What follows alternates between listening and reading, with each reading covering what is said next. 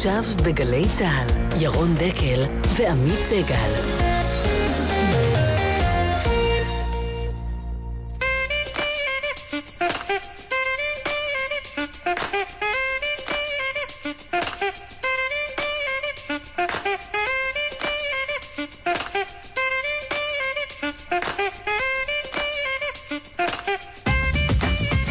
תשע וחמש דקות. אה, בוקר טוב עמית. בוקר טוב ירון. שלומך בסדר? אין תלונות. אמ, עוד שבוע חלף. כן, ועוד אה, פרשה. כן. אין שבוע בלי אירוע. אין רגע ד'. האיש שעומד להחליף את אה, ראש לשכת עורכי הדין, אפי נווה, שנמצא במעצר בית וייחקר היום שוב, יהיה כאן עוד מעט, עורך הדין אורי קינן, גם שר המשפטים בעבר שניהל את הוועדה למינוי שופטים, צחי הנגבי, גם הוא איתנו הבוקר. וגם פאנל שופטים. בהמשך נמשך גל הפרישות ממפלגת העבודה. אה, השבוע שלושה הולכים הביתה, וזה לא הסוף? ואנחנו נדבר עם שניים מהם. עם חיליק בר, שחזר. אה, ואנחנו נשוחח איתו, אבל אה, בעיקר עם אה, חבר הכנסת הפורש איתן ברושי, כן. בריאיון ראשון מאז פרשת, ה... איך נקרא לזה? ההתנהגות הלא נאותה. כן. והטענות להטרדות. הוא יהיה איתנו על סיכום הקדנציה הזו ועזיבתו את מפלגת העבודה. אנחנו רוצים להתחיל מהשבוע לשוחח עם אנשים שמסתכלים על המערכת הפוליטית שלנו קצת מבחוץ, מה הם חושבים, מה הם מרגישים ומה הם רואים. היום כלת פרס ישראל אה, מרים פרץ תהיה איתנו. נכון, אה, אתמול, לא יודע אם שמת לב, זה קצת עבר בשקט, ללא פרומואים. נו, ממש אי אפשר היה ערוצים להשגיח. 12 ו-13 התארגנו מחדש. הרבה מסאז' לאגו. אה, כן, אה, אנחנו נשוחח עם כן, בלי שניים. לגמגם. אנחנו נשוחח עם שניים שמשקיפים על כל העסק אה, מהצד. גדי סוכניק, לשעבר אה, מגיש המהדורה המרכזית בחדשות ערוץ 2, ערוץ 2 זיכרונו לברכה. כן. ורפי גינת, מגיש קול בוטה, קול בודק, מנכ"ל אה, ערוץ 10 לשעבר. אה, היום ערוץ 13. היום גם ערוץ ערוץ 13. 10 זיכרונו לברכה. גם ערוץ 10 זיכרונו לברכה. מנוחתו עדן, נשוחח עם שניהם. וכמובן הפינות הקבועות שלנו, אה, שיחה בהפתעה ברבע לעשר, אין לנו מושג עם מי נשוחח, וברבע האחת עשרה, אישה מן היישוב. אלה הנושאים שלנו הבוקר בדקל מה מה סגל. תפקידה של האישה מהיישוב? היא אה, מתנדבת בדודה מהוועד אה, למען למען החייל. החייל. אה, יפה. כבר אין הוועד למען החייל, זה יחד, יחד יחד למען למען החייל, זה מה שהיה פעם. מבחינתי יחד זה רק עם עוצמה לישראל. נכון. בראשות אלי ישי. אבל אה, זו האגודה למען החייל, בלבוש חדש, כן. ואנחנו מתחילים.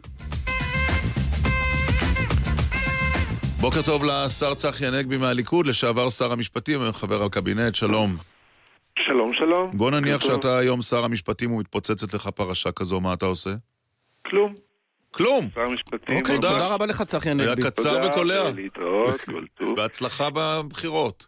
למשל, אה, היו פרשיות לא מעטות גם כשאני הייתי שר משפטים. שר משפטים הוא לא חוקר, הוא לא אה, פרקליט, הוא לא שופט, והוא צריך לאפשר אה, למערכת שהוא מופקד עליה לנהל את האחריות שלה. ולכן הוא לא מתנדב ולא אמור להתנדב להביע עמדה לגוף הראיות ומה המשמעויות. כמובן, אם יש הקשר שנוגע לממלכה שלו, ובעניין הזה לשכת עורכי הדין היא הממלכה שלו, או שתחת לא, אחריותו בדרך אבל כזו ודאי שיש. הקשר, השר צחי הנגבי. לא מדובר אני אומר, בעבירות שהוא ביצע הקשר. עבירות בנייה. מדובר בעניינים שנוגעים למינוי שופטים, ובראש הוועדה למינוי. שופטים עומדת שרת המשפטים. נכון, אבל אנחנו יודעים שהפרשה היא לא לאחר החלטה שיפוטית, היא בשלביה הראשונים.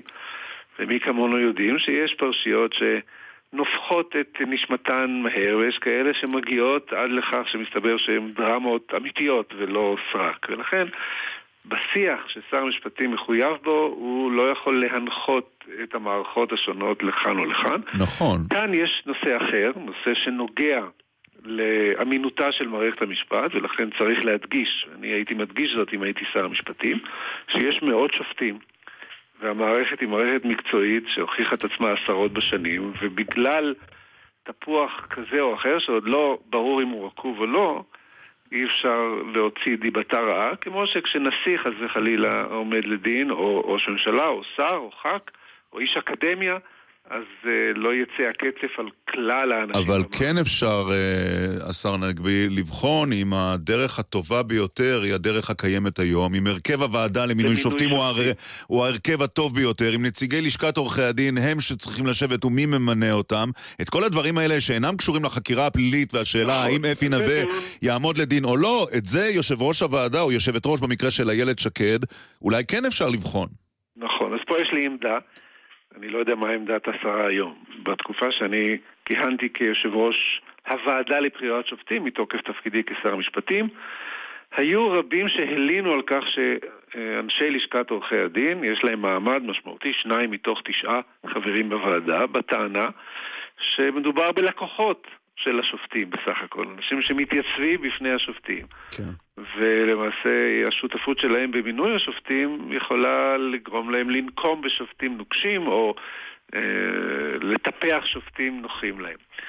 אני חושב שיש איזשהו היגיון בטענה, אבל גם החברים בכנסת ובממשלה וגם השופטים עצמם הם, יש להם לכאורה ניגודי עניינים עם המערכת. אפשר להגיד, הם, הם ממנים את חבריהם, או אנחנו כפוליטיקאים רוצים להשפיע על הרכב הוועדה כדי להשפיע על פסיקת בית המשפט העליון ודאי.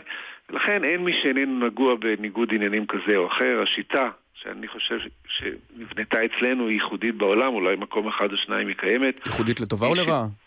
אני חושב שהיא ייחודית אה, במובן הזה שבסופו של דבר הקואליציות האלה שנוצרות בה בלית ברירה, בעיקר בנושא של מינוי שופטים לבית המשפט העליון, מחייבות אה, ברור מעמיק של היכולות של השופטים. אני למשל, בשלוש השנים שכיהנתי, נאלצתי ואפילו נהניתי לקרוא מאות פסקי דין של שופטים, כי הם היו מועמדים, והיה צריך לדעת האם ראוי למנות, לקדם אותם מהשלון לעליון. Mm-hmm. יש בעיה במינוי שופטים חדשים, הם לא באים עם... רקורד, הם לא מביאים אסופה של פסקי דין, פה אתה יותר נסמך על חוות הדעת של השופטים שבפניהם הם הופיעו, זה נותן יתרון מובנה לשופטים בסיפור הזה, אבל כאן לשכת עורכי הדין היא בהחלט תגיד, השר הנגבי, בעלת מעמד. הייתה הצעה שעלתה בעקבות התפוצצות הפרשה לאמץ את המודל האמריקני של השימוע שייערך בוועדת החוקה של הכנסת או במקום פומבי אחר, ואז אה, יכולות לעלות כל מיני טענות ולצוץ אה, פרשיות מן העבר. אה, שאולי לא צצות ולא עולות בוועדה למינוי שופטים, כי מישהו לא רוצה שהם יגיעו לידיעת חברי הוועדה. מה דעתך? אני מקווה שנהדוף על הסף כל ניסיון לאמץ את הגישה האמריקאית בענייני מינוי שופטים. למה? מה שטוב לאמריקנים לא טוב לישראלים? ממש לא. השיטה שלהם היא שיטה שאני יכול לומר עליה שהיא... כדי לא uh, להעליב אותם, אני יכול לומר שהיא בעיניי מעלת תמיהות אינסופיות. למשל, שופטים נבחרים בארצות הברית בפריימריז. יש בחירות לשופטים. נו, מה רע? הם מגייסים כספים, הם מגייסים תורמים. הם, לא, זה פשוט לא יאומן. כן. שילוט חוצות ענקי. הג'אדג' הזה והזה הוא בעד עונש מוות. הג'אדג' הזה והזה שולח אנשים לבית סוהר על שתייה בנהיגה וכהנה וכהנה דברים מגוחכים. השימוע לשופטי בית המשפט העליון, רק בסופרים קורט, זה קיים, הוא בעיניי גם כן פסול לחלוטין, פוליטיקאים. שזה לא דבר פסול כשלעצמו, אבל תאר לך, מגיע מועמד לבית המשפט העליון, לוועדה של הכנסת, ועדת חוק, חוקה ומשפט. ושואלים אותו, כמו שבארצות הברית, מה עמדתך בעניין ההתנתקות? האם אתה נגד ההתנחלויות? האם אתה מאמין בענייני אה, הפלות וכולי וכולי. והוא עומד שואל... שם ומוכר את מרכולתו כאחד הפוליטיקאים בפריימרי שואל... שלנו, זה מגוחך. שואל יואל בוואטסאפ, 052-921-0021, האם אפי נווה יכול לטעון כמו נתניהו, שאם אה, לא הועבר כסף זה לא שוחד? קודם כל, הוא יכול לטעון שאדם הוא חף מפשע כל עוד לא הוכח אחר. זה ודאי שהוא יכול, לא רק שהוא יכול לטעון, אנחנו צריכים לטעון את זה כולנו כאזרחים שומרי חוק. אני מניח שהוא יעשה נכון אם בשלב הזה אה, הוא יצא לאיזושהי הפסקה, נבצרות, מהיותו חבר בוועדה לבחירת שופטים. זה גם, נתניהו לא נותנים לו להחליט על המפכ"ל ולא נותנים לו להחליט על מינויים משפטיים. לא, אבל השאלה היא, השאלה היא לא, לגופו של הטיעון. הטיעון. כשראית את ראש הממשלה טוען, אה, אה, אין, זה לא שוחד בלי כסף, בדיוק, כן. אה, האם, האם אתה מקבל את הטיעון הזה? אני לא מכיר את התיק של אה, נווה, ואני בהחלט לא... לא, לא. לא, נשאל שאלה יותר כללית, השר, אני רוצה לתרום את תרומתי. האם שוחד הוא רק כספי? על פי פסיקת בית המשפט, שוחד הוא לא רק כספי. זה ההלכה בבית המשפט העליון מזה המון שנים. אבל בהחלט, דברים ראש הממשלה, ואני יכול להבין את זה, שלא יכולים לקבוע ששיח על חיזוק המעמד התקשורתי שלך, שכולנו עושים כל השנים, כן. זה שוחד. זה פשוט דבר באמת שלא לא, אבל מתקבל על אבל הדעת. ה- העניין שם הוא הצד השני, והוא צד זה לא התמורה. רק שאין כסף, זה גם אומרים, אתה השפעת על זה שיורידו, ישימו תמונה של אשתך או של כן, אבל השאלה היא שלך, התמורה, ואם נתת מאות מיליונים, אז אינטרנט. יש כסף. כן. כן. אוקיי, אז טוב, זה עוד- זה עוד אין החלטה שאנחנו- סוף, אין אין החלטה של היועץ. אתה מסתכל על הסקרים, ואתה רואה את... אה, במעבר חד היית אמור לומר. כן, הליכוד עולה, עולה כפורח, אבל לידו נובלות אה, מפלגות אה, ימין, למשל השותפות. הבית היהודי, למשל כחלון שמגרד את אחוז החסימה. האם אין חשש שתצליחו יותר מדי? בעניין הזה אני מגיע מתוך עומק החשש, כי אני גדלתי בבית של אה, לוחמי מחתרת, שאחת מן הלוחמות, אימא שלי, גאולה כהן. ונצרבת. בבחירות 92. ואני זוכר את בחירות 92, שמפלגתה לא עברה את אחוז החסימה, וגם לא רק היא, בבחירות ההם הרב לוינגר התמודד במפלגה, כן. איבד המון קולות, ולדעתי גם מודעי וכל מיני... ואליעזר מזרחי ועוד. ועוד, כן. וזה היה אסון למדינה, לא רק לאלה שלא נבחרו, אלא אנחנו זוכרים את המשמעויות, אה, הרות האסון של בחירות 92 ועליית השמאל לשלטון ואוסלו וכהנה וכהנה. אז לכאורה היינו אמורים ללמוד את הלקח, ומאז באמת זה לא חזר, והנה התופעה חוזרת. מפלגות, ימין, בעיקר הפיצול אה, בין הבית היהודי והימין החדש, אבל גם כמו שהזכרתם, אולי ישראל ביתנו, אולי כולנו, כן. סכנה גדולה, כי כן. על פי הסקרים יש רוב לימין, אבל הגוש החוסם הזה יכול להתפורר. ב- בהיעדר מפלגות שעוברות. אז מה אתם עושים? חוץ מלנסות ולבחוש במחנה החרדי כדי שיתאחד, מה עוד אתם עושים? אנחנו רוצים לקבל את הקולות שלהם. אנחנו רוצים שאנשים יצביעו לליכוד. שאנשים לא יצביעו למפלגות שהולכות להיעלם. זה מה שאנחנו עושים. אבל אז אתם תצטרכו להרכיב קואליציה, ואם לא תהיה לכם אה, קואליציה ימנית, אז מה- יהיה מה יותר- של- יותר קשה אולי. הסתבר השבוע שבני גנץ הוא פעיל דאעש, פחות או יותר, לפי התבטאויותיהם של אה, חבריך לליכוד, אז איתו בוודאי אפשר להרכיב קואליציה, הרי לא היה לדעת להרכיב קואליציה עם שמאלני כזה. ש- לא, זה- עם אה, איש הרשימה המשותפת, אז זה כן. בני גנץ. אני קצת באמת מסתייג מהחרדה הזאת שמפגינים חברים שלי על העניין הזה של, אה, של גנץ, כי הם היו צריכים לשמוע אותי לפני 20 יום, הקימו את המפלגה שלו, ואז ראיינו אותי ואני אמרתי שנתניהו לא רואה את גנץ ממטר. זה פיזית זה כמובן לא אפשרי, כי זה מטר 90 פלוס, אבל הכוונה היא שאין לו רלוונטיות פוליטית. אז לפי זה לא ה- מעלה. היית מתקפה עליו רק חיזקה אותו, השר לא הנגבי. חיזקה, אנחנו לא רואים שחיזקה, אבל היא, היא, לא, היא מיותרת, כי קודם כל קשה לתקוף בן אדם שבאמת עוד לא אמר מילה, אבל הוא עוד יגיד. לא, מילה אחת הוא אמר, 50 שניות הוא דיבר. נכון, בעניין הוא חוק הלאום. הוא גם שר 60 שניות. כן. אבל בפועל, אה, גנץ לא מעלה ולא מוריד כלום במערכה על הגוש החוסם, אותו דבר מהותי שדיברנו, הוא מקבל לא בדיוק, כי יש הקולות. 60 63 מנדטים לימין, לעומת 67 שהיו לו בקדנציה הקודמת. כן, אבל זה לדעתי בגלל שכחלון איבד קולות גם ללפיד. אבל בכל מקרה הוא מקבל קולות כרגע מכל המחנה שהוא מעבר למתרס האידיאולוגי. הוא לא מוריד מאיתנו לפי הסקרים, אנחנו בכלל מתחזקים מאז שהוא הצטרף לזירה. לכן לא הייתי אה, מבזבז זמן אה, לתקוף אותו, כי מי שצריך לתקוף אותו, ועוד מעט יתחילו, זה לפיד, זה גבאי, זה... אה, ואתם תאחלו בהצלחה לכל. הצדדים. לגמרי. דרך אגב, התקשורת כבר, גם היא, אני חושב, מעשה בשתיקה הזאת, ראינו אתמול את ארץ נהדרת, זה היה מאוד מרשים לראות סוף סוף מתקפה. איזה דמות. הכי אהבת? לא, סתם, סתם. תראה, אני חושב שגם הסיפור של גנץ הולך להיעלם, כי הוא כבר לא צעצוע חדש. לא, הוא עדיין חדש. במערכת הבחירות הזו הוא חדש. תמיד יש במערכת בחירות מישהו שהוא חדש. פעם זה לפיד, כן, פעם זה מישהו אחר. הופך החדש הופך מאוד ישן מהר. אל, אל תיקחו את זה אישית, אבל התקשורת, כמו שאתם יודעים, היא ילד.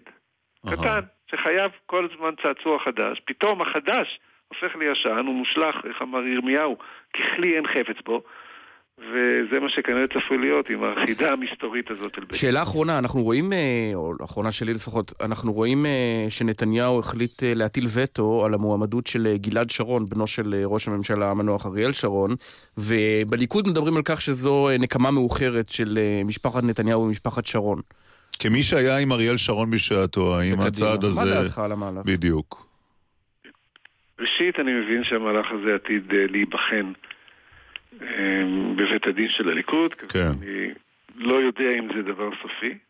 אני גם לא מבין את הסיבה המהותית, כי לפי מה שראיתי בתקשורת זה בגלל שהוא מועמד במחוז, כי הרי אנחנו נותנים היתרים להתמודדות להרבה אנשים, אה, אה, בעיקר ברשימה הארצית, כמו גלנט, שהוא חבר ליכוד שבוע, ואחרים. אבל זו סמכות שהחוקה העניקה לראש התנועה, ורק הוא זה שיכול לאפשר... ולכן הוא יכול אדם. לקצר לגלנט, אבל uh, לתקוע את uh, בנו של אריאל שרון. הוא בעצם. יכול, זה הסמכות שלו, כמו שהוזכר. הוא לא, גם לא צריך לנמק, הוא יכול לעשות מה שהוא רוצה. הוא חייב לדעתי לנמק את זה בבית הדין של הליכוד, כי אני יודע שיש שם דיון, או אמור להיות שם דיון בעניין הזה, ומעניין לראות מה התקדים שייקבע. כי בעבר, בדרך כלל נתנו לכולם, דרך אגב, פעם הוא לא נתן לאפי איתם. נכון, ככל הזכור. לפני עשור. אבל, כן. אבל אפי אז לא אתגר את זה מבחינה משפטית, זה נושא כשלעצמו מסקרן. יפה. טוב, השר צחי הנגבי, הליכוד, תודה רבה לך. תודה רבה. תודה לכם. יפה. טוב, אה, תגובות, בינתיים כן. נקרא. יש 052-921-0021.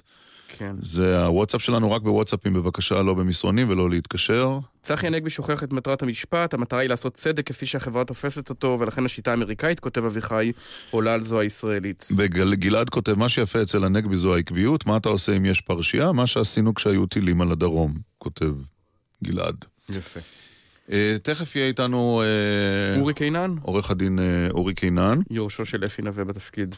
נכון. איך, האם, האם לדעתך הפרשה הזו אה, תפגע באיזשהו אופן בשרת המשפטים איילת שקד מהימין החדש? כמעט אה, אמרתי מהבית היהודי. ראית את תגובתו של אה, השר נפתלי ראיתי את בנט. תגובתו של השר נפתלי בנט, אבל הוא לא המחליט היחיד אם היא תיפגע או לא. אני לא יודע, בעודי נוסע, בעודי הוא פוסע, יותר נכון, אל האולפן, הבוקר נתקלתי עדיין, ב... נכון. נתקלתי במודעה של אה, לשכת עורכי הדין, מהמם. נגד, ה, אתה יודע, הפקטור הזה למתמחים, ולמטה היה כתוב, שומרים על רמת המקצוע. זה היה באמת, אה, אתה יודע, יפה מאוד לראות, כמו התחזית לשלג שעוד תלויה כשהכל אה, יבש. אבל האם, קודם כל איילת שקד אה, אמרה בינתיים רק משפט אחד, שזה היה יום קשה לה כשרה או כאישה, אבל מעבר לזה היא לא, היא לא דיברה.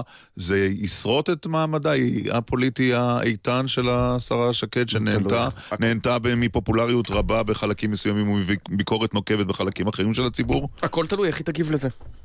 ומתי תגיב אם לזה? היא תעלה למתקפה, או, או איך אומרים, אה, אמר גל הירש, תשתבלל. אני מזכיר שבפרשת הנוסעת הסמויה של אה, עורך הדין נווה, שבגינה החלט להעמיד אותו לדין, השרה שקד אה, לא כל כך נשמע קולה. נכון, נכון, אתה זוכר? נכון. היא לא... נכון, נכון. היא או גינגמה, או לא הגיבה, לא או אמרה נחכה. נכון. היא לא כל כך הייתה שם. נראה מה היא תעשה עכשיו, כי אפי נבו הרי בן בריתה הקרוב ביותר בוועדה למינוי שופטים. יפה. עכשיו נמצא איתנו אה, מי שאמור להחליף אותו. עורך הדין אורי קינן, בוקר טוב לך. בוקר טוב. אה, בטח קיווית לנסיבות משמחות יותר לקידום. כן, קיוויתי שלא יקרו. כן. ואני ממלא מקום, תפקיד אה, התנדבותי. אנחנו לא עובדים. התנדבותי, אבל איך אומרים, ראינו אתמול שיש בונוסים. טוב, תרשה לי לא להגיב. אבל אה, אני, כן, ציפיתי שלא לא יקרה לפחות. גם, גם, אם, גם אם יקרה, כמובן שבנסיבות משמחות. את- אתה בעשייה של אה, אפי נווה, לפי מה שאנחנו מבינים, נכון? אנחנו, אנחנו בסיעה, כן. יפה. עכשיו, אה, הופתעת, רגע, נראה לי בתור איש, הופתעת מכל הפרשה הזו? נדהמת? מאוד. כן. לא... אני, אני חייב אבל להגיד שאנחנו כרגע נמצאים בעיצומה של החקירה. בואו, אני לא... גם אתם לא יודעים בדיוק מה, מה היה שם, מה לא היה שם, מה... מה... מה שפורסם. כבר יכול לגרום לנו לזעזוע מסוים, לא? בינתיים, מה שהמשטרה הודיעה, או העבירה לשופט. לא החשדות הביא עצמם. החשדות, תראה, צריכים לקשור הרי בין הדברים. אני לא, בוא כרגע, אני לא מייצג אותו. אני שמעתי את הדברים בדיוק כמוכם. אני לא בסוד הדברים ולא בוא מצוי ב- בנבחר אז- החקירה. אני רק אומר, אני רק אומר, אני רק אומר, לא נעים. לא אוקיי. נעים. ואני, אני, אבל... לא, אתה אה, אומר את זה בטון של לא נעים, לא נורא. לא, לא, לא, לא אה, אמרתי לא נעים, לא נורא. אוקיי, אז האוזן שלי לא מספיק חדה. אמרתי, לא נעים להיות בסיטואציה. חד. משמעית. אז, בוא- אז בוא נדבר על אפי נווה. תראה, הרי, הרי זה לא נחת עלינו כאן אדם עם בית ה, מבית הלורדים שפתאום הסתבך. מראש היה באפי נווה משהו די חריג. אה, די נזכיר את ההסתבכות הקודמת שלו, אה, שהיא הברחת בת זוגו בנתב"ג. אה, זאת אומרת, הכתובת במידה מסוימת הייתה על הקיר. אני יכול לומר, ולדבר רק מהעיניים שלי ולומר לך, לומר לכם, שבמשך כל השנים שהוא עמד בראש הלשכה, לא ראיתי, לא ראיתי התנהלות לא תקינה, באמת לא ראיתי התנהלות לא תקינה. ויושבים איתי, יושבים איתי בהנהגת הלשכה לא רק עורכי דין פרטיים, גם נציגי פרקליטות במסגרת הנהגת הלשכה. ותהיו אה, בטוחים שאילו היינו רואים משהו שהוא לא תקין, או התנהלות שהיא אה, אה, פוגענית באמות המידה המוסריות, החוקיות של אה, ראש הלשכה, אנחנו היינו מעלים את זה באופן מיידי. אבל... אני אני וחבריי. אבל לא ראית, עורך הדין קינן, כשמדברים על שיכרון הכוח של עורך הדין נווה, ואני רוצה להזכיר כאן את הכתבה שעשה עמרי אסנהיים בעובדה, והאופן שבו אה, שופטים ומועמדים לשפיטה עולים אליו לרגל ומתחנפים אה, לא עלינו. כשמדברים על שיכרון הכוח של עורך הדין נווה, אתה לא הרגשת בזה דבר וחצי דבר. תראה, יש, יש בכל הנושא שנקרא הוועדה למינוי שופטים, mm-hmm. לא צריכים להתחסד. הוועדה הזאת פועלת אה, הרי אה, אה, עשרות רבות בשנים, ואתם לא מעלים על דעתכם שבמשך עשרות שנים לא היו לחצים ולא היו פניות ולא היו מינויים של כאלה שבמקרה הכירו את זה או אחר. מה, מה הבעיה? הבעיה היא שתמיד זה היה בחדרי חדרים. ותמיד זה היה, תמיד זה היה באופן אה, חסוי, ולא הייתה תקשורת. כאן... כלומר, אתה אומר, הוא עשה מה שעשו לפניו. כאן זה יצא לאוויר העולם. לומר לך אם אהבתי או לא אהבתי, לא בטוח שאהבתי את זה, אני כי זה אופי שלי. כן. אני באופי שלי אה, לא אוהב, אני אוהב, אני אוהב אה, אה, אה, את הדרך ה... מהוגנת. היא לא בדיוק כזאת. אבל, כן. אבל עדיין, אבל עדיין, אני מכיר את הוועדה הזאת, אני עורך דין כבר אה, אה למעלה מ-20 שנה, כן. אני מכיר את העבודה של הוועדה הזאת. תמיד, תמיד בוועדה הזאת היו לחצים. תבדקו, תבדקו את המינויים לאורך נכון, שנים. נכון, אבל זאת בדיוק השאלה. אתה יודע, לנו יש, לנו יש את הדימוי, אה, עורך דין קינן, של בכל זאת של שופטים מורמים מעם. יכול להיות שבמיוחד בערכאות הנמוכות, זה לא בדיוק עובד ככה, זה פה ההוא נותן את הפוש ולהוא זה חשוב, ולשאר חברי הוועדה לא ממש אכפת, אז עושים איזה דיל. הרי כל אדם שמגיע אני... לבית משפט שלום, רואה, נגיד את זה בעדינות, ש... אה, לא כולם... אה, מורמים מעם. לא כולם מורמים מעם, לא כולם יזכו בפרס אה, המשפט. לא כולם יגיעו לעליון. לא. טוב, אז תרשו לי קודם כל, קודם כל לספר לכם, ובעיקר למאזינים, על הדרך שעובר שופט כשהוא מתמנה, ובקצרה. יש לו ככה, הוא צריך לעבור ועדת משנה שמורכבת משופטי עליון, והוא צריך לעבור אה, קורס שמורכב משופטים שבוחנים אותו, עם פסיכולוגים שבוחנים אותו, ולאחר מכן, ולאחר מכן הוא צריך להביא, לפני זה, סליחה, הוא צריך להביא המלצות. המלצות בין השאר גם משופטים, מאנשי אקדמיה, מאנשים אה, אה, מקצועיים בתחום. יש לו דרך חתחתים לעבור. לומר לכם שתמיד התוצאה הסופית היא משביעת רצון, בוודאי שאני לא יכול לומר את זה. אבל לבוא ולומר, מתמנים שופטים כלאחר יד, בגלל קריצת עין של זה לאחר, או, או, או, או איזו אמירה כזאת מסתחבקת, של יאללה בוא תמנה אותו, mm-hmm. זה לא עובד כך. אתם, בואו תבינו, יושבים בוועדה לבינוי שופטים. יושבת שם גם בין השאר נשיאת בית המשפט העליון. נכון. יושב, יושבים שם עוד, שופט, עוד שופטים, עוד שופט עליון. אתם מעלים על דעתכם שנשיאת בית המשפט העליון יושבת שם ולא ערה לכל מועמד ומועמד, אז אני יכול לומר לכם בדיוק הפוך. נשיאת בית המשפט העליון וגם שרת המשפטים וכל מי שיושב בוועדה הזאת. אבל אני כרגע מדבר על נשיאת בית המשפט העליון. היא ערה מאוד לכל מינוי. מצוין, אז היא... אז... רגע, אז היא ערה מאוד, אבל יש מחשבה אחרת. המחשבה האחרת צריכה להיות לפרק את הגילדה שלכם. לשכת עורכי הדין, אין הרי לשכת העיתונאים, ואין לשכת, אה, אני יודע... למה? לשכת, יש לשכת לא, השמאים, זה, יש זה משהו, אז בסדר, סוכני הביטוח, אבל לשכת עורכי הדין היא אחד הגופים הבודדים במדינה, יש. שהוא גוף סטטוטורי, ומי שמכם לחלק פה את אישורי הכניסה למקצוע? שיהיו מאה אלף עורכי דין ויבחרו את הטובים. טוב, אז קודם כל, גם, גם אם לא תהיה גילדה סטטוטורית, יהיו, יהיה רף כניסה למקצוע. ואני אתן לך דוגמה. גם לשכת רואי החשבון, שהיא לשכה וולונטרית, עדיין אה, להיכנס היום ולהיות רואה חשבון, אתה, שיעורי הכישלון הרבה יותר גבוהים מכישלונות עורכי הדין בכניסה למקצוע. זה אחד. שניים, ההתערבות הזאת בציוני המעבר או באי ציוני המעבר היא התערבות שבעיניי לא ראויה, אבל בואו, שימו לב, אנחנו, אנחנו סוטים טיפה מהנושא.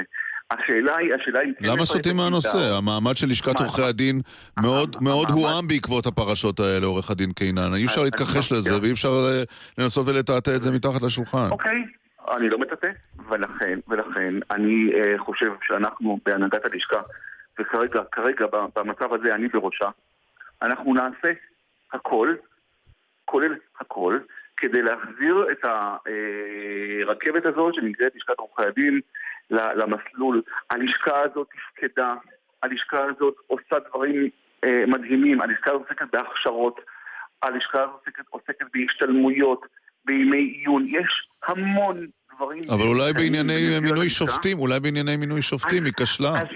אוקיי, אוקיי. אז, אז, אז אם, את, אם אתם חושבים שאנחנו לא נבחן את ההתנהלות בסוגיה הזאת, הם טועים. אנחנו נבחן אותה ובדקדוק רב, אנחנו לא מטטים שום דבר מתחת לשולחן, אנחנו נבחן אותה מאוד. אנחנו כבר אה, קבענו שבוע הבא ישיבת עבודה בנושא הזה. אבל, אבל, לבוא ולהגיד... מה זה אומר לבחון? בוא... מה תבחנו?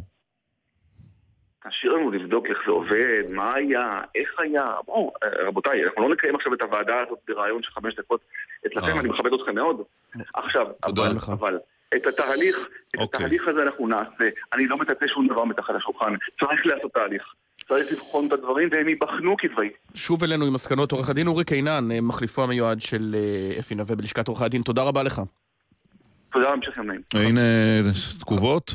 כן, או שנשמע חסויות ואז... אה, אה, שתיים שכבר צדתי כאן. דדי כותב, כל ערוצי הטלוויזיה דאגו לציין ששרת המשפטים לא חשודה, ואני שואל איפה האחריות שלה כראש המערכת, ובמיוחד לאור החיבוק שלה את אפי נווה והעובדה שהיא... איפה האחריות של נשיאת העליון? מקור עוצמתו. נכון, אבל יושבת ראש הוועדה היא שרת המשפטים. אגב, אתמול הם הוציאו הודעה משותפת, לדעתך חיות יזמה, נשיאה חיות או שרת המשפטים? אני... חתמו, איך אומרים... אה, אני חושב ששרת המשפטים יזמה. שלומי כהן מזכיר את התכונות הנדרשות לשופט במשפט עברי. אתה תחזה מכל העם אנשי חיל, יראי אלוהים אנשי אמת, שונאי בצע. יפה. חסויות, ואז איתן ברושי. אתם מאזינים לגלי צה"ל.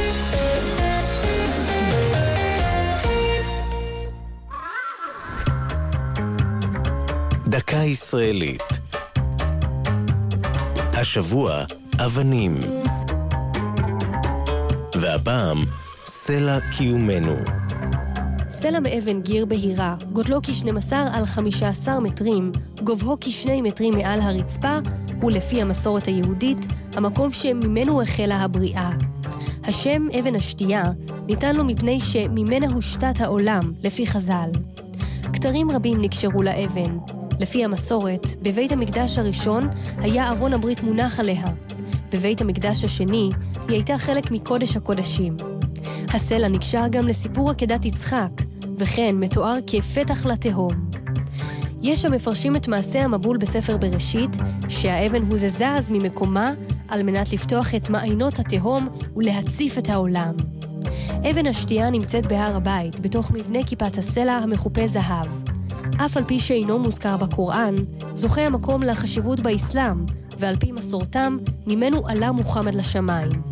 בקרב החוקרים אין הסכמה על כך שאותה אבן היא-היא אבן השתייה שבמקורות היהודיים, אבל קדושתה בעיני המאמינים עומדת בעינה זה דורות רבים.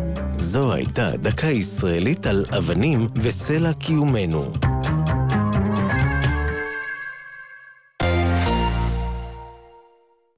מעסיקים יקרים, חשוב לנו להזכיר לכם שחוק חיילים משוחררים אוסר לפטר עובד בשל שירותו במילואים או שירותו הצפוי במילואים. ועוד דבר חשוב, על פי החוק, אסור לפטר עובד בתקופת היותו בשירות מילואים או בתקופת 30 הימים שלאחר סיום שירות המילואים, אלא בהיתר מיוחד מאת ועדת התעסוקה במשרד הביטחון. חיילי המילואים הם הנכס הלאומי שלנו, הם שם למעננו, אנחנו כאן למענם.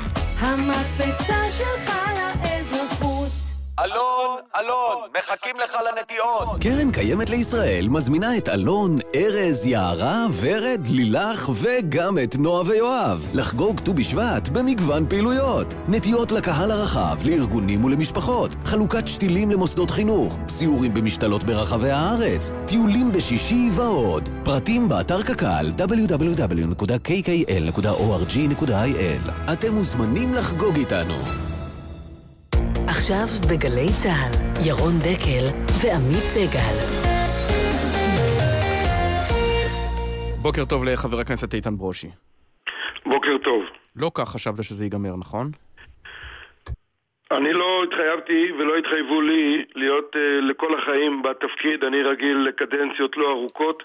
באתי בצורה די מקרית לכנסת הזאת, עזבתי את תפקיד מזכיר התנועה אחרי תקופה קצרה של שנתיים, הבחירות היו uh, מפתיעות.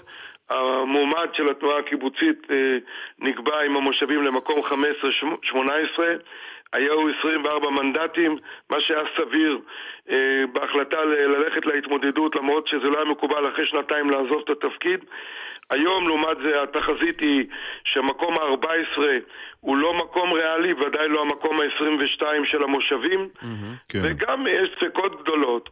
אם באמת אה, מהאופוזיציה אפשר להשפיע ואם מפלגת העבודה היא באמת המפלגה הנכונה שאני יכול לפעול בה כי אני חושב שאני בא מהעבודה האמיתית, ולעיתים נדמה לי שמהמחנה הציוני, שהיינו עד לא מזמן, הפכנו לא פעם למחנה פוסט-ציוני. צריך לזכור אבל חבר הכנסת ברושי, שיושב ראש המפלגה אבי גבאי מאוד אה, רצה שתתפטר אחרי הפרשה לא, זה לא של... מדויק. הוא תבע ממך להתפטר אחרי הוא, פרשת אה, תשמע, חברת הכנסת נחמיאס ורבין. אני לא חושב שזה דבר אה, אקטואלי, mm-hmm. ואני לא חושב שזו עובדה. שאני הייתי חבר כנסת, ואני חבר כנסת עד הרגע האחרון, גם הוא שיבח אותי לעיתים קרובות, הוא טעה, הוא הודה שהוא טעה, אה, זה לא היה לא ביטוי של מנהיגות ולא של אחריות, איפה הוא הודה שהוא טעה? רגע, אנחנו עוסקים עכשיו בעניין הזה כי הוא בתהליך משפטי ואני לא אכנס. רגע, לא, אבל, אבל, אבל אנחנו, אנחנו מיד נגיע לשלל העניינים האחרים, גם באמת... רגע, אני רוצה אבל בכל זאת לומר שאני חבר מפלגת העבודה מלידה כמעט, בניגוד לרבים שהצטרפו וכל מיני טרמפיסטים שעלו על העגלה עד כדי שאיבדה את הכיוון שלה. ואני רק אתן דוגמה, כי אתם בכל זאת אה, תחנה רצינית. ממש ב-12 לדצמבר, לפני זמן קצר, הייתה הצעת חוק שאומרת שיישובים קהילתיים באזורי עדיפות יקבלו אפשרות עם ועדות קבלה לצמוח עד 700 ולא 400 משפחות בדירוג. כל המחנה הציוני הצביע נגד. היחידי שהצביע בעד זה איתן ברושי, ברשות דרך אגב, כי לא יכולתי לסבול את ההתנגדות שהייתה גם טיפשות וגם קלות דעת ולא מובנת. נכון. ובאותו יום עמדה הצעה שבעזרתי ובאמת בהסכמת היו"ר היא ירדה מסדר היום, הצעה שחתמו עליה לא מעט ח"כים. מכל המפלגות, גם. לצערי משלנו, שאומרת לבטל בכלל את ועדות הקבלה. מאה אחוז, איתן ברושי, אבל יש, אבל יש פיל בחדר. הפיל בחדר הוא לא רק העמדות שלך בנושא המדיני, אלא גם הטענות אחרי איילת נחמיאס ורבין. אבל זה כבר מאחורינו, לא, לא, אבל זה לא, אנחנו... רק שנייה, רק שנייה, אני רוצה להבהיר כדי אם ש... אם הייתי חושב שזה משהו נכון, לא הייתי נשאר לא, עד אבל, היום. אבל איתן ברושי, אז לכן אנחנו רוצים לשאול, כי לא קיבלנו הזדמנות לשמוע את דעתך עד עכשיו. אני. חושב שהיו, אבל אני, מה שאני יכול... רגע, רגע, רגע, רק אני אשלים את השאלה למי שלא לא כן, התעדכן. פורסם בחדשות 10 דאז, אה, שלא רק הטענה על איילת נחמיאס ורבין, שנדמה לי שהתנצלת על ההתנהגות. כך היא אמרה. כך היא אמרה, אלא גם אה, שלפני 15 שנה אה, במועצה האזורית שבה אתה לא- מתגורר, לא, היו לא טענות לא על הטרדה מינית. אין פה שום פרט מדויק, אני לא רוצה להיכנס לזה, רק אני אומר שלעולם לא הייתה תלונה ולא הייתה הערה, לעולם לא הסכמנו לטענות. האנונימיות, ואני לא חושב שמי שעשה את זה, עשה את זה ממניעים אה, טהורים, אלא היה פה גם שיקולים זרים בהעמדת העמדות בתוך המחנה הציוני. אבל השאלה היא, חבר הכנסת ברושי, אם הפרישה שלך קשורה לטענות האלה, וגם למה שהיה עם חברת הכנסת נחמיאס ורבין. לא, מה שהיה עם נחמיאס אה, ורבין, חברתי באמת ממחנה רבין, ועבדנו בקשרים הדוקים. וזה לא דומה לשום דבר שיש בו פלילי, מיני או הטרדה. אולי בכל זאת כדאי שתתנצל בפניה בשידור. בוא ננצל את ההזדמנות. התנצלתי כבר, לא, תקשיב. התנצלתי עוד באותו ערב על דבר שהיה באמת דבר אה, לא מכוון, ואין בו שום כוונות, והייתה התנצלות עוד באותו ערב בדרכי חזרה מבארי, שזה היה כנס מפלגתי, לא היה שם שום דבר לא אלים ולא מיני ולא פלילי ולא הטרדה, וגם היא קיבלה את ההתנצלות וביטאה את זה והודיתי, ולכן אין פה שום חיבור לדברים האלה. אוקיי, אז זה לא קשור לזה. הילד הייתה ונשארה חברה ומעריך אותה, אה, כן? לצערי גם היא סיימה את תפקיד מ- במפלגת העבודה. רגע, שוחחתם עכשיו- מאז? שוחחתם? מאז הפרשה? כן, אבל כן, התשובה היא גם בכנסת נפגשנו לאור המצלמות, אבל מחלק מהסיבות שהיא הודיעה על עזיבתה, הן סיבות שאנחנו גדלנו במחנה רבין. רבין, כן. גדל, גדלנו מפלגת העבודה, ולא באיזה חיקוי של מה שהיה פעם העבודה, ואני אומר את זה בצער. תגיד. ולכן גם השאלה אם ההתיישבות תראה במפלגה את ביתה, ברור. והאם המפלגה הזאת היא- עדיין רלוונטית עכשיו- להנהגת המדינה. אז אין קשר לפרישה כי- שלך כי- לכל לא, זה. אבל אולי יש משהו שמתחבר, כי אתה... בחודשים האחרונים, אתה יודע, מי שהסתובב בכנסת ראה שבעצם כל שאר חברי סיעת העבודה, רובם, מתייחסים אליך כמו אוויר. היה גם לא, איזה ובראש- אלמנט... ובראשם חברת הכנסת יחימוביץ'. יחימוביץ' ומיכאלי אני לא רוצה ושפיר. להתייחס לשם זה או אחר. לא, אבל כללית, מה, אתה הם חברות יכול כנסת להיות- במפלגה יכול להיות שלך. שחלק מההרגשה שלך שזה לא בית קשורה גם לעניינים לא, לא. האישיים האלה? לא, אני מהיום הראשון, לא, תשמע, עם כל הכבוד לכל מיני שמות שהזכרת, הם עוד אה, רחוקים מהבנה, חלקם עד היום, של מהי מפלגת העבודה, ולכן ככה זה נראה. אנחנו איבדנו את הקשר עם הציבור, בגלל שחלק מהנבחרים לא היה להם קשר עם העבודה. והתוצאה היא מפלגה בחד ספרתי בסקרים. ולכן, אני, אני זה מפלגת העבודה. אני לא עזבתי את המפלגה, היא עזבה אותנו. אבל ההתעלמות ממך, ההתעלמות. ממך עברה על ידך, זה לא... סליחה? ההתעלמות- לא נפגעת אישית? העובדה שכולם התעלמו ממך. זה, קודם כל זה לא נכון. אני קודם כל, במקביל לתקופה של ההכפשות, אני חוויתי גם אה, שאלה נוספת והזכרתי את זה בהודעה. והייתי עסוק גם ענייני בריאות, ובחלק מהמקומות נעדרתי. ובסופו של דבר, היו פה המון גורמים. בוודאי העניין הבריאותי הייתה הפתעה גם בשבילי, ולא דבר צפוי. אבל המערכת כולה, כולל אה, מה שאמרתי וכולל אה, התחושה ש... זה לא הכתובת הברורה, לא להתיישבות ולא לערכים הנכונים. כן. למי תצביע? אז למי תצביע בבחירות? למי תצביע בבחירות הקרובות, איתן ברושי? כי לאבי גבאי יש לי תחושה עמומה שלו. לא, עם כל הכבוד לאבי גבאי ולאלה שבוגרי אגף תקציבים ותמיד התייחסתי אליהם בחשדנות. אז למי אני כן? לא אה, חושב שאבי גבאי הוא הגורם שיקבע לי אם אז להצביע אתה או לא תצביע להצביע. אמת בכל מקרה. זה מה שאתה אומר. אני, אני, לא, אני לא יודע כרגע, והצבעה היא חשאית, ועוד מוקדם להגיד. אני מה, אתה לומר- חבר כנסת ממפלגת העבודה, אתה- אתה אתה אומר שזה ביתך, ואתה אומר לנו כאן, אני לא בטוח שאצביע העבודה. לא אמרתי, אבל תקשיב, קודם כל, אתה שואל אותי מה אני אצביע. אמרתי, כן. אני לא עוזב, את המ- אני חבר מפלגה, אבל אתה שואל אותי מה יקרה בעוד מספר חודשים. כן. אני יכול לומר שאני מבשר מבשרה של מפלגת העבודה, מאבני היסוד שלה, כן. יותר מרוב חבריה, יותר מחלק שעמדו בראשה בשנים שגרמו ולכן? להם נזק אדיר. אי לכך ולכן? ובהתאם לזאת. של מפלגת העבודה היום היא לא רק התקופה האחרונה, היא שרשרת של אירועים ושרשרת של... ולכן אני ולכן אצביע אתה עוד מה, לא ברור איזה לו מה פתק? יצביע, ברור. לא ברור. סליחה? לכן לא לא ברור. תחליט מה תצביע. עכשיו, שאלה אחרונה, מתנהל בימים אלה הליך משפטי חריג ביותר. אתה תובע דיבה את יושב ראש המפלגה, את אבי גבאי. אתה יכול לספר לנו מה קורה שם?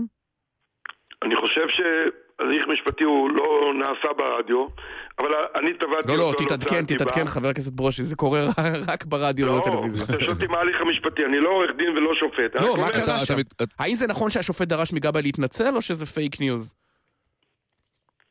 אני חושב. שמה שנ- מה שנאמר גם, שהשופט העיר הערות אה, קשות על הדברים המיותרים שנאמרו וחסרי אחריות, אנחנו מנסים להגיע בגישור שבהסכמה ביני ובין היושב ראש אה, להבנה אה, כי ברור שזה לא יכול להיגמר בלי איזשהו סיכום. הדרישה הייתה... ואת זה תפרסמו כשזה. יסתיים, אני מבין. סליחה? תהליך הגישור יתפרסם כשהוא מסתיים, כמו תהליכי גישור. אם אם כן, יתפרסם. בסוף צריך- בסופו. של דבר, אם הגישור מסתדר, כן. ואני לא פוסל והסכמתי לו, אז. בסופו של דבר אתה אוקיי. מושך את התביעה. כרגע אני בכל זאת רוצה אה, לומר שהמפלגה חשובה לי, כן. ואני פרשתי מ, אה, ממקום שאיננו ריאלי, ממפלגה שלא בטוח שהיא אה, דרכי, מאירועים שהיו מיותרים ולא היה להם שום אסמכ, אה, אסמכתאות, ומהתנצלות שהבעתי בפני חברתי איילת נחמיאס, שגדלנו שנינו במחנה רבין, וגם היא יודעת, כולם יודעים שלא היה לזה שום קונוטציה שלילית. ומצד שני, אני אמצא את הדרך אה, להמשיך לפעול, אה, כפי שפעלתי גם בשנים האחרונות. חבר הכנסת איתן ברושי, תודה רבה לך. תודה לכם. זמן לפורש אחר? כן, שלום חבר הכנסת- לחיליק בר? היי, בוקר טוב מהקור הירושלמי המקפיא. לא- הבנ- לא הקור הסיני, אתה אומר. בדיוק. הבנת שמצבך לא מי יודע מה והקדמת תרופה למכה? לא, חלילה, ממש לא. אני חושב שמצבי בכלל אה, לא רע, אני גדלתי במפלגה הזאת, אני אוהב אותה, יש לי הרבה הרבה אנשים שאוהבים אה, אותי, זה לא קשור לזה בכלל, אני חושב שהדמויות יותר אה, בולטות במפלגה, ועדיין החלטתי שלא להתמודד אה, בפעם הזו. בפעמים הקודמות היית משוריין. נכון. אז צריך לומר שלא לא להתמודד בפעם הזו לעומת פעמים הקודמות שבהם היית משוריין. אז למה החלטת נכון. לפרוש? התמודדתי, אגב, אגב, אני מהאנשים שעשו יותר תפקידי אה, רוחב וגובה במפלגה הזאת. כולל מזכ"ל. שהתמודדתי אליהם, נבחרתי ליותר...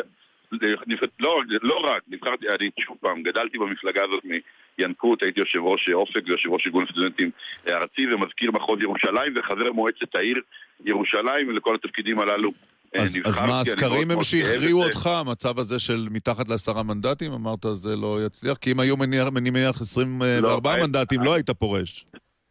אגב, דקל, אני ממש לא מאמין לסקרים האלה. אני חושב שמפלגת העבודה תקבל יותר סקרים ממה ש... אה. אפילו עמית. אפילו עמית בסקר שלו אתמול בערוץ 2 הראה מגמת תשעה. עלייה, אני מאלה שהיו שם, שהיו שם, כן, שהמפלגה אבל חיליק בר, הוספדה לגמרי. אבל עדיין יש לך כן. 24 חברי כנסת, או נגיד עכשיו 19, שמתמודדים על תשעה מקומות.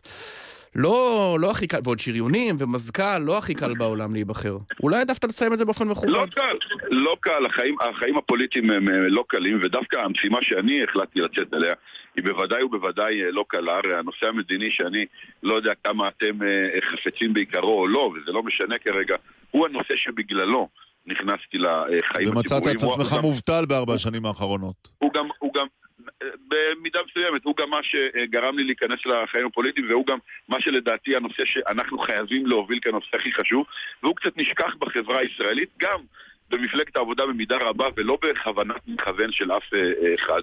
ואני חושב שאם אנחנו לא נטפל בנושא הזה, אה, אין תקומה לא למפלגת העבודה ולא אה, לחברה הישראלית בכלל, כי הסכסוך הזה הוא שורש הרבה חולאות רעות שיש לנו בחברה. אגב, בשש השנים שהייתי חבר כנסת, חוץ מהדברים שעשיתי וחוקקתי, טיפלתי רוב זמני, למי שמכיר את העשייה שלי, בנושא המדיני, אם זה בשדולה לפתרון הסכסוך, אם זה בתוכנית המדינית שפרסמתי ושיווקתי בהמון המון מקומות בארץ אה, וגם בעולם. אבל ואני מ- רוצה אבל- לעסוק בזה. אבל מעולם חיליק בר לא נבחרת לשום תפקיד, זה אולי לב העניין. גם למזכ"ל אתה מונית. אבל אמרתם את זה שוב פעם ואמרתי לכם שלא נכון. אולי לכנסת הייתי משוריין, אבל נבחרתי במפלגת העבודה לשלל גדול של תפקידים מאז שהתחלתי בה בנוער עבודה ונוער עובד ועד שהייתי עכשיו בוא תראה, מזכ"ל בוא, הכי צעיר עכשיו בוא תראה מה. קורה פה חיליק בר, תתווכח בבקשה עם, עם הטיעון כן. הבא. אה, אתה עוסק בנושאים מדיניים ופורש, ציפי לבני אה, לא עוברת את אחוז החסימה לפי הסקרים. מי שיגיע גבוה ברשימת העבודה זה גבאי שמדבר על כלכלה, יחימוביץ' שמדברת על כלכלה, סתיו שפיר שמדברת לרוב על כלכלה. אולי זה הכיוון שהשמאל מרכז צריך ללכת אליו, ולא אבו זה- מאזן. לא, זה, זה, זה הכיוון שהשמאל מרכז הולך אליו, זאת בדיוק הביקורת שלי, וזה בדיוק לדעתי גם למה השמאל מרכז היום פחות ממצב את עצמו כאלטרנטיבה שלטונית. אני רוצה להזכיר לכם, אה, דקל וסגל, ותגידו לי, מה קרה שמפלגת העבודה הניפה במערכות בחירות את הדגל המדיני? הרי גם ברק, גם רבין ניצחו על הדגל המדיני. כשאנחנו דיברנו שלום, הכרחנו את הליכוד לא רק לדבר שלום, אלא לשים בסיסמה הראשית שלה את המילה שלום. יש דוגמאות מהמילניום הנוכחי גם?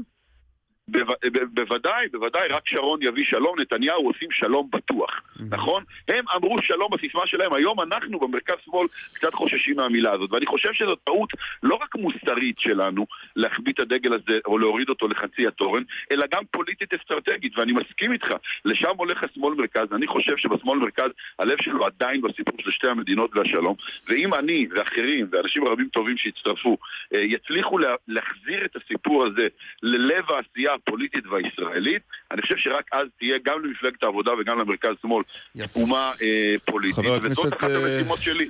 הפורש חיליק בר. תודה כמעט- רבה לך. כמעט לא דיברנו על סין, תראה מה זה, זה רעיון ולא לכם. דיברנו על סין. תודה, חבר הכנסת. תודה רבה. אין פה שלג, אבל עדיין מאוד נחמד. נכון, נכון.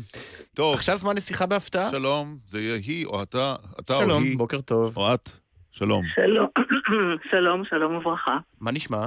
או-אה. עמוס, אך טוב. במה עמוס? בעבודה או בפאן? אה, עבודה ופאן אני מכיר, והכל. אני מאוד מכיר את מוכר. הקול הזה. מאוד מוכר. את אה, מועמדת לכנסת הקרובה? לא. לא. לא. את עוסקת בענייני? מקצועות שיפוט? משהו שיפוט לשעבר? את קשורה לפרשיות לא, לא, לא, הנוכחיות? אני- אה, לא, לא. אני לא רוצה לבלבל אתכם להגיד שבמשהו אני קשורה, אבל לא. לא. אל תיקחו את זה ככה. או-אה. כן. מוכר לי הכל. כן. איפה את מתגוררת? אני מתגוררת בהרצליה. הרצליה. בהרצליה. וואי, זה ממש מוכר. אה, את לא אולי, ש... משנה. אה, רגע, כשאת אומרת על שיפוט, שפטת פעם בתוכנית ריאליטי אולי? ממש לא. ממש. ממש לא.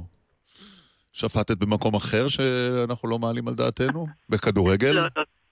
נכנסתם לקו לא נכון. אוקיי. לא שפטית, לא לא קשור בשפוט. לשפוט. אוקיי. אה, תני כן. לנו רמז, בבקשה. רמז. רמז.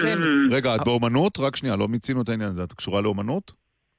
אה, תגדיר אומנות. שירה. משחק? אני, קשורה לעולם התרבות לחלוטין, ואני אתן רמז שעוד יותר מבלבל אתכם. כן. פעם הייתי זמרת. שיחקת פעם פעם. בסדרה שנשא את שמה של שכונה? לא, לא. לא, חשבתי רמת אביב ג', אוקיי. מה? אוקיי, אה, אז פעם היית זמרת, אבל זה יבלבל אותנו, אז נתעלם מזה. אז אז את... אה, אה, לא. כן. שחקנית? מירי נבובה הייתה פעם זמרת, אתה זוכר? אבל היא שחקנית? כבר הייתה. אני לא שחקנית. אוקיי, אוקיי, אה. אוקיי. ואת עכשיו בבית, נכון? כלומר, את לא עובדת בשעה הזו. מה שנקרא לרגע. אה, לרגע? אמ, מהמם. כן, אני צריכה מיד לנסוע לאן? לאן? לעבודה. אה. איפה העבודה? בתל אביב? העבודה מגוונת ומלאה, ב- טוב, אני קצת אעזור לכם. ב- בעיקרה היא בתל אביב, אבל כרגע, לאן שאני אסע, זה לא תל אביב. אה. היית חברת כנסת? לא. טוב, אנחנו נצטרך עוד רמז. שאלה. רמז, כן. אני אחשוב, בוא נגיד. שאמרנו עולם תרבות, נכון? כן, גם אמרנו. אמרתי ל- לאנשיכם שלעולם לא תזהו, והנה, ושאלתי אם יש פרס אם לא מזהים. נכון. פרס למי שלא אה, מזהים טוב. אותו. אפשר לעלות כן. גם בשבוע הבא. רגע, רגע, למשל. נמשיך את החידון. כן, נו, אז מה עוד רמז? כי את אה, בד- רמז, אה, אמרתם עולם התרבות, אבל אם אני אתן רמז אתם בשנייה תדעו. רגע, כי את בדרך כלל, הקול. שלך בעצם לא מוכר, זאת אומרת, את יותר בתחומים של כתיבה? לא, אבל אני בתחום, הנה אתן זה רמז לא רע, בתחום של מאחורי הקלעים, אוקיי. אה, בתחום מש, אה, מקצוע משמעותי ביותר, של עשייה. נו, עוד שנייה. את אני מנכ"לית? הכל. מנכ"לית של משהו. אני מנכ"לית, אבל זה, זה לא הת- התואר שהייתם משתמשים בו אל, אליי. את לא רקפת לא, רוסק עמינח. לא, אני בתחום אחר, אמרנו... של תיאטרון? תרבות. ציפי פינס? בידור. ציפי- טוב, עברנו... לא, לציפי אין קול כזה. לא, לציפי אה, פינס אין קול כזה. זה נכון. אה, אה, אני יודע, אני יודע, אני יודע, אני יודע. קשור לתוכניות טלוויזיה? כן. יופי. אה, ריאליטי? לא רק. לא. רק. אוקיי, תמירה ירדני? אכן כן. וואי, עוד מעט נגמרה השעה. וואי, זה היה קשה. קשה לא. מאוד. ככה. אז קודם כל לא זכית בפרס. לא זכיתי, אבל עזרתי. אבל אמרתי, עזרת לנו "תגידי לי מאוד." וזה ידעתי. האמת, אבל אה, א', כן. יפה אמיץ, כל הכבוד, וב', אני אומר משהו בקשר לעושה תוכניות ריאליטי. בבקשה. אה, א', אני בדרכי לנווה אילן, ל- אה, לחדשות. האחרון של, לא, של. כוכב, כוכב נולד- של הכוכב הבא, מהמם. לצילומים. ב', אה, בקשר לריאלי טדי הפקות, אה, סתם, בואו נשוויץ לשנייה, מה אכפת לי. קדימה. ברגע זה, על המסך, בית פזמון, התוכנית דוקו, אה, דוקו הטובה מאוד שאתי הנטע עשתה אצלנו על המוזיקה הישראלית בערוץ 10 ז"ל נגמר. אה, יש את פמטה. שחזתה את כל השחיתויות בצורה קיצונית של ה... בערוץ הח- בערוץ הראשון היום, כן. בערוץ הראשון. פרקליטות פעם. מחוז תל אביב, ראשי תיבות, כן. נכון, וזה ממש לא יאומן. צריך לראות את הפרקים ולהגיד, לא יכול להיות, מה, איך הם ידעו? ו- דבר, אה, יש את גידי ואהרוני, שהם ב- ב- עושים טיולים בעולם והם ב... ב- אני רוצה. לשאול אבל שאלה על הכוכב הבא לאירוויזיון. זאת תהיה הברקה לפי דעתך כמו נטע ברזילי, או שאי אפשר לחזור על אותה הברקה שנה אחרי שנה? כי פעם אחת הצלחנו עם הלילויה אחרי יזהר כהן, זה היה לפני אה, 30-40 שנה. אתם מוצאים אותי באיזה סבך שלא יודעת מה הולך להיות. אה, אה, אם יכול להיות הודעה דרמטית, והפעם לעומת ראש הממשלה שלנו ממש דרמטית, אה, אז אני לא יודעת, אני בדרך, בגלל זה יש אה, סוג של לחץ. אני לא יכולה להגיד יותר כלום, זה יותר גרוע אם תזהו אותי או לא. אני רוצה עוד להגיד עוד שני דברים בכל אופן ש- שקורים עכשיו, יסדרים זה היה כמו הרענן כתב. חידה, לא עמית? לא. כן. יש, בקיצור, טדי עושה הרבה דברים, וגם כמובן את הריאליטי של כישרון אנחנו עושים. את הכוכב, אנחנו עשינו את הריקודים ונעשה בית ספר למוזיקה, שכל כך אני רוצה כן, אבל- שיחזור. אבל, אבל הוא שאל על האירוויזיון, אה, את יודעת, שנים ניסו להנדס את טעם הקהל, וראינו שבפעם הראשונה שנותנים לקהל לבחור, וואלה, הביא לנו בינגו, או דוז פואה, כמו שאומרים באירוויזיונית. נכון. אבל באמת נטע היא בן אדם יוצא דופן, והדבר היוצא דופן הזה עבר. כן. אנשים הבינו איכשהו היא נגעה, זה לא רק שהיא שרה יפה והשיר מצוין, והיא מיוחדת ועשו לה, עשינו לה הפקה יוצאת דופן. יש שם משהו שנוגע. אבל תמירה, יש, לא יש, סתם יש, יש, את, את כאילו כשאמרנו לך ריאליטי את נרתעת, אמרת זה. לא רק זה. מה, מה רע בלהגיד, ריאליטי? הריאליטי השתלט על חיינו הטלוויזיוניים. לא, מה תפס- רע כל כך? נשמע שאת רגע. כאילו... לא מאושרת לא, לא, מזה. לא, ממש אתם, מה זה פירשתם לא נכון. אני מאוד מאושרת ומאוד גאה בכוכב הבא וגאה בכל מה שאנחנו עושים, וזו תוכנית מעולה והיא תוכנית של מוזיקה ואני אוהבת מוזיקה, וכמו שאמרתי לכם הייתי זמרת פעם, אבל uh, אני סתם רציתי להגיד שאתה עושה טייטל. אז אני, חברת הפקות טדי עושה המון דברים, והיה לי נחמד להגיד אותם. בא לי להשוויץ, בכל אופן היום יום הולדת. אבל מה דעתך על השתלטותו של הריאליטי על חיינו הטלוויזיוניים? האם הוא לא תפס? הדעה שלי... אה, אגב, היום זה באמת היום הולדת שלך. נכון. מזל אה. טוב. תודה רבה. אלה שמבכים את, אה, את, ה- את היחלשותם של הדוקו-דרמה, של הדוקומנטרי, של הדרמות, הם מלינים אז לשווא? רגע, לשווא ממש, כי גם יש הדרמות נורא חזקות, גם בארץ כל דרמה צופים בה כמו בריאליטי, או כמעט כמו בריאליטי. לא, לא אמרתי את זה כז'אנר נחות. לי, אה, היום, כאילו, שלפני שנה הייתי בת 70, ועברה שנה, וראיתי, ועשיתי המון דברים, לא רק ריאליטי, לזה התכוונתי, סתם, זה משהו אה, אגואיסטי היה, לא קשור לכלום. אוהבת ריאליטי, אוהבת מאוד את הכוכב הבא. שנה 16 הייתי עושה דבר כאילו, כי אני לא רוצה לעשות אותו. אני עושה אותו מאהבה, ואני מאוד קשורה לעולם הזה. ומה עם הטענות, אה, מה עם הטענות, אנחנו פשוט בתוכנית רדיו שבה אמורים גם לשאול שאלות רעות, אז אה, תסלחי לי, כן? כל אחד תשאל. ומנהג, זה- לא, מנהג המקום. אה, הייתה טענה הרבה. שנים, אולי אני לא מעודכן, על אה, חוזים דרקוניים שנחתמים עם אה, אומנים. האם למשל נטע ברזילי, על כל שקל שהיא מרוויחה, או יורו במקרה הזה, כמה הולך אליכם? אה, תראה, אנחנו דווקא גוף אה, מאוד אה, טולרנטי ואוהב אדם, ובטח אוהב אומן, ובטח עוזר לו בכל מה שהוא יכול. ויעידו על כך עשרות השנים שאני עובדת ועשרות האומנים שעוברים דרכי. לא הבנתי כמה זה יוצא ביורוסנט. יורוסנט, בסדר. אנחנו בהחלט לא, אנחנו מקבלים עמלות רגילות, אה, לא בא לי לחשוף אותם, כי? זה לרעתי.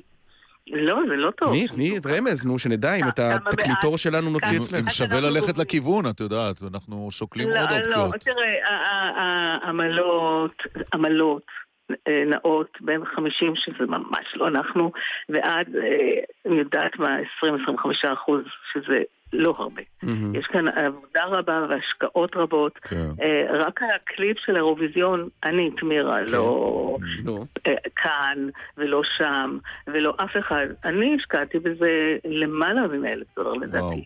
אני. אבל בכל זאת היה חוק אריה קורם שהיה צריך לשחרר את האומנים מכבלי חוזים שנעשו איתם. בסוף, את יודעת, זה הגיע. לחוקק לכנסת. ובכן, וזה ברדיו, כן. אין אומן שחתום, שבא ואומר, די, אני לא יכול יותר, זה לא מתאים לי, שהוא לא משוחרר באותו רגע אצלי. אין חוזים ואין קובלים. אה, אני עובדת עם צביקה הדר כבר, אני לא יודעת כמה, 25 שנה, 30, כן. לא יודעת כמה. ועם, ועם, ועם אה, נינט, ועם מרינה, כן. ועם אה, נתן גושן, ועם יפה. הרבה תמירה הרבה. ירדני, נגמר לנו הזמן.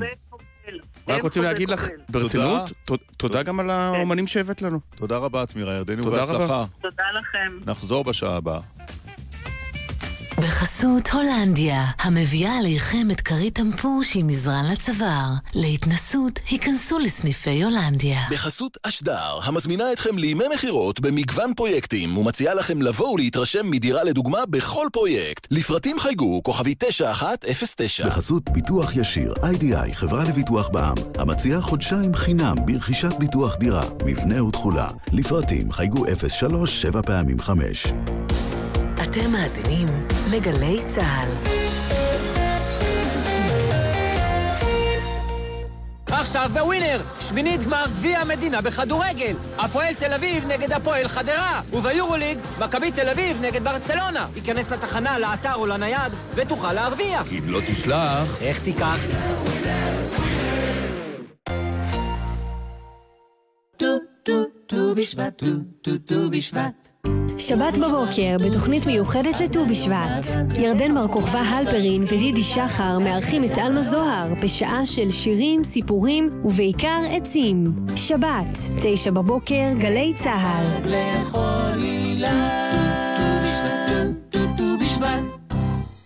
מיד אחרי החדשות, ירון דקל ועמית סגל.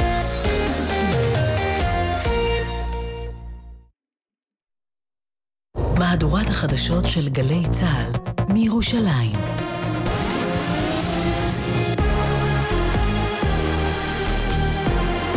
גלי צה"ל מירושלים, השעה 10, בוקר טוב, באולפן רן יבנאי עם מה שקורה עכשיו. ראש הממשלה נתניהו צפוי להמריא ביום ראשון לביקור מדיני ראשון בצ'אד.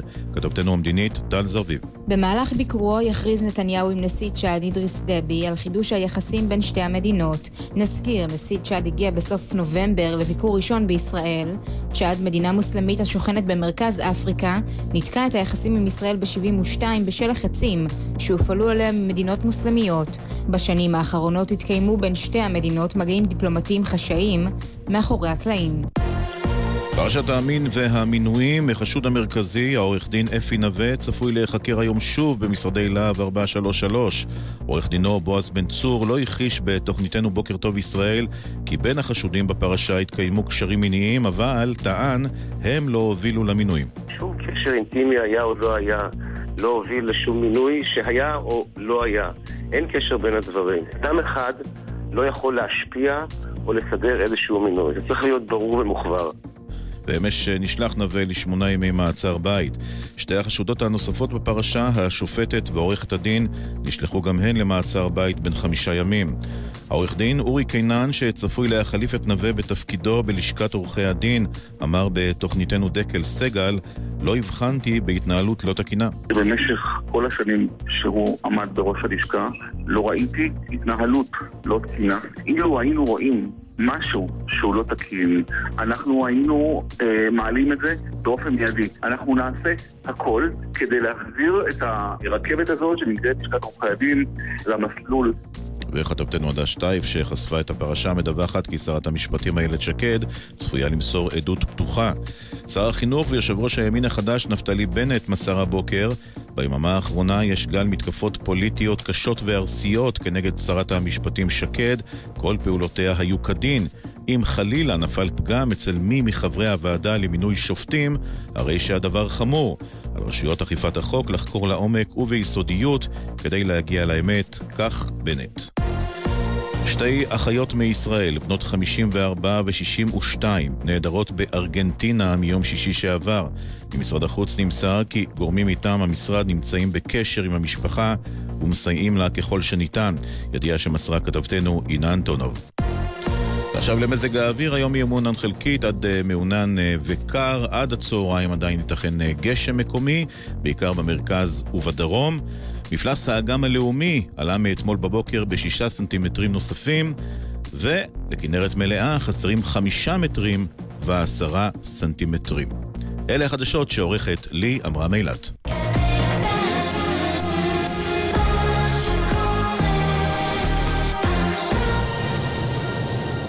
עכשיו בגלי צה"ל, ירון דקל ועמית סגל.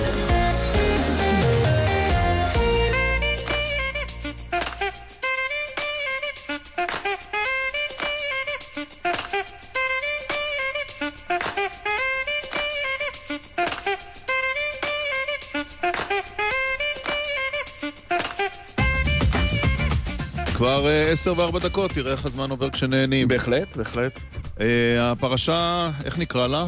פרשת אפי נווה? פרשת ה... איזה שם היית בוחר לה? אה, זה מין תמורת אה, מינוי, כן. כן, פרשת המין והמינוי. לא רק מין ולא רק מינוי, לפי מה שאנחנו מבינים. נכון. מעלה כמה וכמה שאלות על דרך מינוי שופטים, על מעמדם של שופטים שמונו בוועדה למינוי שופטים, ולפיכך החלטנו לכנס שלושה. כן. אגב, יש תגובה קודם כל רק של איילת נחמיאס ורבין, אתה רוצה שנקרא אותה? בוודאי, על הדברים של חבר הכנסת ברושי? כן, אה, אני מציע לו להפסיק לשקר ביחס למה שהיה איתי, הוא הצליח להפגין שוב חוסר הבנה עמוק לביזוי שגרם לי. אבל היא אמרה בכנסת שהיא קיבלה את ההתנצלות. ועם, ועם זאת, יושב ראש העבודה לא היה צריך להשתמש במילים שבחר המיועדות לעבריינים מורשעים אה. בלבד, לא לסתם אנשים גסי רוח כמו חבר הכנסת הזה, אני מאחלת לו בריאות ושינהג בעמיתים ואמיתות יותר כבוד להבא. טוב, אני זוכר שבכנסת היא אמרה, קיבלתי את ההתנצלות. שמעתי את ההקלטה הבוקר. חברת הכנסת אה, נחמיאס ורבין, שגם היא פורש. היא תלך לתנועה? אה, ככה זה נראה, אבל בוא נראה, בוא נראה מי אמר לחלק שם. טוב, איתנו אה, שניים, אה, אחת ואחת, שופטים בדימוס. קודם כל, השופטת בדימוס עדנה בקנשטיין, לשעבר נשיאת בתי המשפט השלום במחוז תל אביב. שלום, השופטת בדימוס בקנשטיין. שלום רב. והשופט בדימוס הרן פיינשטיין, לשעבר שופט בית המשפט השלום ברחובות. היום מרצה באוניברסיטת בר אילן, מרצה לקרימינולוגיה. שלום, השופט בדימוס פיינשטיין. שלום וברכה. טוב, נפתח, אה, אני אפתח? כן. לירון. האם יכול להיות שאנחנו פשוט אה, חושבים, השופטת בקנשטיין, או הזעזוע שלנו, הוא מכך שיש לנו ציפייה שהשופטים יהיו מלאכים, והם לא, ולכן בכ, בכל ערימה, בכל עץ תפוחים, יהיה לפעמים תפוח אחד רקוב. אה, אני רוצה להגיד לך שיש ביניים בין מלאכים, והייתי אומרת אפילו לא ביניים, יש מלאכים ויש בני אדם. ואחד הדברים שאני תמיד אומרת, קודם תהיה בן אדם. אז אני חושבת שאם שמענו דברים כמו ששמענו לאחרונה, אה, הקודם תהיה בן אדם אה, פשוט אה, נכחד, וזה מפחיד. השופט פיינשטיין, אילו מחשבות עוברות למוכחה לנוכח ההתפוצצות של הפרשה הזו והדברים שנחשפו עד כה? תראה, אז קודם כל, השופט בגין צודקת, אנחנו רק בני אדם, זה הכל. זה המון. אני ניסחתי את זה הלם ואלם. פשוט מאוד. הלם והלם. לא יעלה על הדעת שבזמננו, בתקופה שלנו, כשהמינויים, דברים כאלה, זה פשוט נשמע הזוי לגמרי ושוק גדול. אבל אמר קודם אה, הממלא מקום ראש לשכת עורכי הדין, מאז, מקדמת דנא, היו דילים מאחורי הקלעים, היו לחצים מאחורי הקלעים. אה, עורך הדין אפי נווה אולי עשה דברים מעבר לכך, אבל אה, הוא לא המציא את השיטה שכדי להיבחר, זה לא מספיק להיות שופט טוב, צריך גם לדעת איך להיבחר. מה את אומרת, נכון. השופטת בדימוס וקנשטיין? אה, אני בהחלט חושבת שזה לא נכון, זה לא צריך להיות כך. ואם היו דברים חריגים, הם, הם חרגו במידת, במידה כזאת שאתה לא יכול אפילו אה, לציין את זה כחריגות. אם בן אדם נניח, כל מיני, היו קשרים של אנשים שהופיעו בפני שופטים והשופטים התרשמו מהם ויכלו בהחלט להמליץ עליהם והיו כאלה שרצו המלצות ולא קיבלו המלצות משופטים או מ... אה, ועכשיו הגורמים החיצוניים האלה אני בהחלט לא... חיצוניים אני קוראת לזה לשכת עורכי הדין, או כל גורם אחר שהוא אה, אה, גורם אזרחי אה, חיצוני, לא היה יכול להתערב בדברים האלה, לפחות בזמני. אם מישהו היה מנסה לעשות את זה כשאני ישבתי על קטע משפט, ובוודאי כשישבתי כנשיאה, אני הייתי אומרת לו, תודה רבה אדוני, שלום. כן, אבל, אבל, אבל השופטת בקנשטיין, תראי, אנחנו הרי מכירים את ההתנהלות. זה לא שהיו חלילה פרשות שוחד, וגם פה עוד צריך לראות מה יצא מכל אה, ההר הזה של החשדות. אבל אנחנו מכירים שופטים שקידמו את נשותיהם, שופטים שקידמו אה, נשים שהיו להם מערכת יחסים איתם, אה, זה לא יהיה תקדים. טוב, לי היה מזל שבעלי יהיה תת-אלוף בצבא. נכון, לא נכון. אז לא את יכולת לקדם אותו ולא הוא אותך. ממש לא. אז לכן אני אומרת את זה, שאחד הדברים שאני תמיד ראיתי, אם, אם היו דברים כאלה, הם בפירוש לא היו דברים על בסיס... תשמע, אם אליי היו מפנים מישהו, מציעים לי שאני ימונה שופטת לי כזה וכזה, ומישהו היה אומר לי, את יודעת, אני מכיר אותו וכולי וכולי, mm-hmm. הייתי אומרת, אדוני, סליחה, אצלי ממנים לפי כישורים ולא לפי קשרים. תודה, אדוני. אני רוצה, שנצטרף, אני רוצה שנצטרף לשיחתנו את השופט בדימוס, אה, הפרופסור עודד מודריק, לשעבר סגן הנשיא של בית המשפט המחוזי בתל אביב, היום בצוות ההגנה של ראש הממשלה בנימין נתניהו. השופט אה, בדימוס אה, מודריק, מה, מה צריך להיות הדבר הבא אחרי שהוועדה למינוי שופטים הוטל בה אתמול כזה מום בדמות הפעילות מאחורי הקלעים של ראש הלשכה אפי נווה? קודם כל אני רוצה לומר שהיום אני באוניברסיטת אריאל, בחרת דווקא איזה, איזה נישה אחרת של התפקידים שלי, אבל okay. אה, אוקיי. אה, מה צריך לעשות בוועדה? אינני יודע מה צריך לעשות בוועדה, צריך לדאוג שפעילות הוועדה תהיה תקינה. בכל מערכת שלא תבחר, בכל, בכל סוג של תהליך שתבחר, תמיד יכולה להתרחש התנהלות פלילית. לסגור באופן הרמטי מוסדות או ועדות או גורמים מפני השפעה אה, של עבריינות פלילית זה מאוד מאוד קשה, זאת צריכה להיות השאיפה. ולא צריך, ולא בגלל איזה אה, מקרה אחד שאנחנו איננו יודעים כרגע מה בדיוק טיבו ולאן החקירה תוביל, לשנות אה, סדרי עולם, אינני חושב שצריך. Mm-hmm. אני כן חושב, אני, באופן כללי אני חושב שדיוני הוועדה לבחירת שופטים צריכים להיות ככל הניתן שקופים, כדי איך? שתהיה עליהם ביקורת ציבורית. איך? מאוד קשה לי לומר איך, אבל, אה, אבל שתהיה, אולי, לפחות, אולי לא הפרוטוקול המלא של הדיונים יתפרסם, אבל לפחות הנמקה מסוימת, למה בחרו את פלוני ולמה אה, נדחה אלמוני, או המקסימום, המירב של, ה, של, ה, אה, של השקיפות צריך להיות. יכול להיות שבאמת יש קושי, מפני שכאשר אתה עושה דיון מסוים לפומבי, זה מאוד מקשה על המשתתפים בדיון להביע את דעתם בצורה mm-hmm. חופשית, וגם מזה צריך להימנע. הדברים אינם פשוטים ונבחנו כמה וכמה פעמים. הטענה היא שהמערכת שלנו היא מערכת טובה לבחירת אה, שופטים. יש כמובן מודלים אחרים, גם להם יש אה, פגמים. אין אה, מודל שנקי מפגמים. השופט בדימוס פיינשטיין... יש, גם... דווקא, דווקא העניין של ריבון וריזון, איזון וריסון בתוך הוועדה יכול לפעמים להועיל. השופט בדימוס פיינשטיין, גם אתה חושב שמה שהיה הוא שיהיה? לא. לצערי כן, אבל אני חולק בכל הכבוד גם על השופטת בגינשטיין, ואני חוש... תומך במה שאומר השופט מודריק. נו, אז אתם רוב ביחד. לא, להפך. רוב בהרכב. אני חושב שאין שופט שלא עשה לובינג, בוודאי לבית משפט עליון. העניין הזה שכביכול אה, הטובים ביותר, בענווה רבה, זה לא מאה אחוז מדויק, ושבאמת עושים לובינג, ואנחנו יודעים את זה, כולנו עושים לובינג. זה נקודה ראשונה. נקודה שנייה, אני מסכים עם השופט מודריק, שצריך שתהיה שקיפות. אני בעד השיטה האמריקאית, לפחות בבית משפט עליון, שיש screening committee, ששואלים את העד בסנאט כל דבר וכל עניין, ואז אני אדע בעבור מי אני מצביע. כן, אבל... אני לא יודעת... תראה, השופט כן, פיינשטיין, אתה, ברעיונות שלך לאורך השנים איבדת... אני, אני לא יכול לשים בדיוק את האצבע, אבל איבדת סקפטיות מה... אה, איך נגיד את זה? נעצת לא מעט סיכות בבלון הזה של אה, מערכת המשפט. אולי באמת הציפייה שלנו היא מוגזמת. אולי בסוף נכון. זה עוד אגף ממשלתי, אה, מורם מעם יחסית, אנשים טובים יחסית, אבל מה לעשות? נכון, כולנו בני אדם, וגם השופטים הם בני אדם, וטוב שזה ככה, וזה לא מכונות, אבל צריך לשנות את כל השיטה, צריך לעשות שקיפות מלאה, בוודאי בבית משפט העליון כשהם קובעים מדיניות ופוליסי ומתערבים בעניינים פוליטיים, ואז אני רוצה לדעת מראש כחבר ועדה בפני, עבור מי אני מצביע, ולא לקבל הפתעות בליגה, שיהיה לי ברור שלא הייתי מצביע בשביל הבן אדם הזה. מה הבעיה? בארה"ב זה עובד, ואנחנו חושבים שאנחנו הולכים הרבה מאוד אחרי המשפט האמריקאי, לטוב ולרע. אז באה הבעיה, שקיפות אני, טוטאלית. אני רוצה אנחנו לש... למדנו...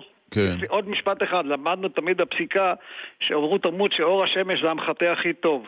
אז למה הקרן הזאת לא מגיעה לוועדה? אני חושב שמה שתהיה הבעיה העיקרית עכשיו זה סוגיית האמון במערכת המשפט ובבתי המשפט ובשופטים בישראל.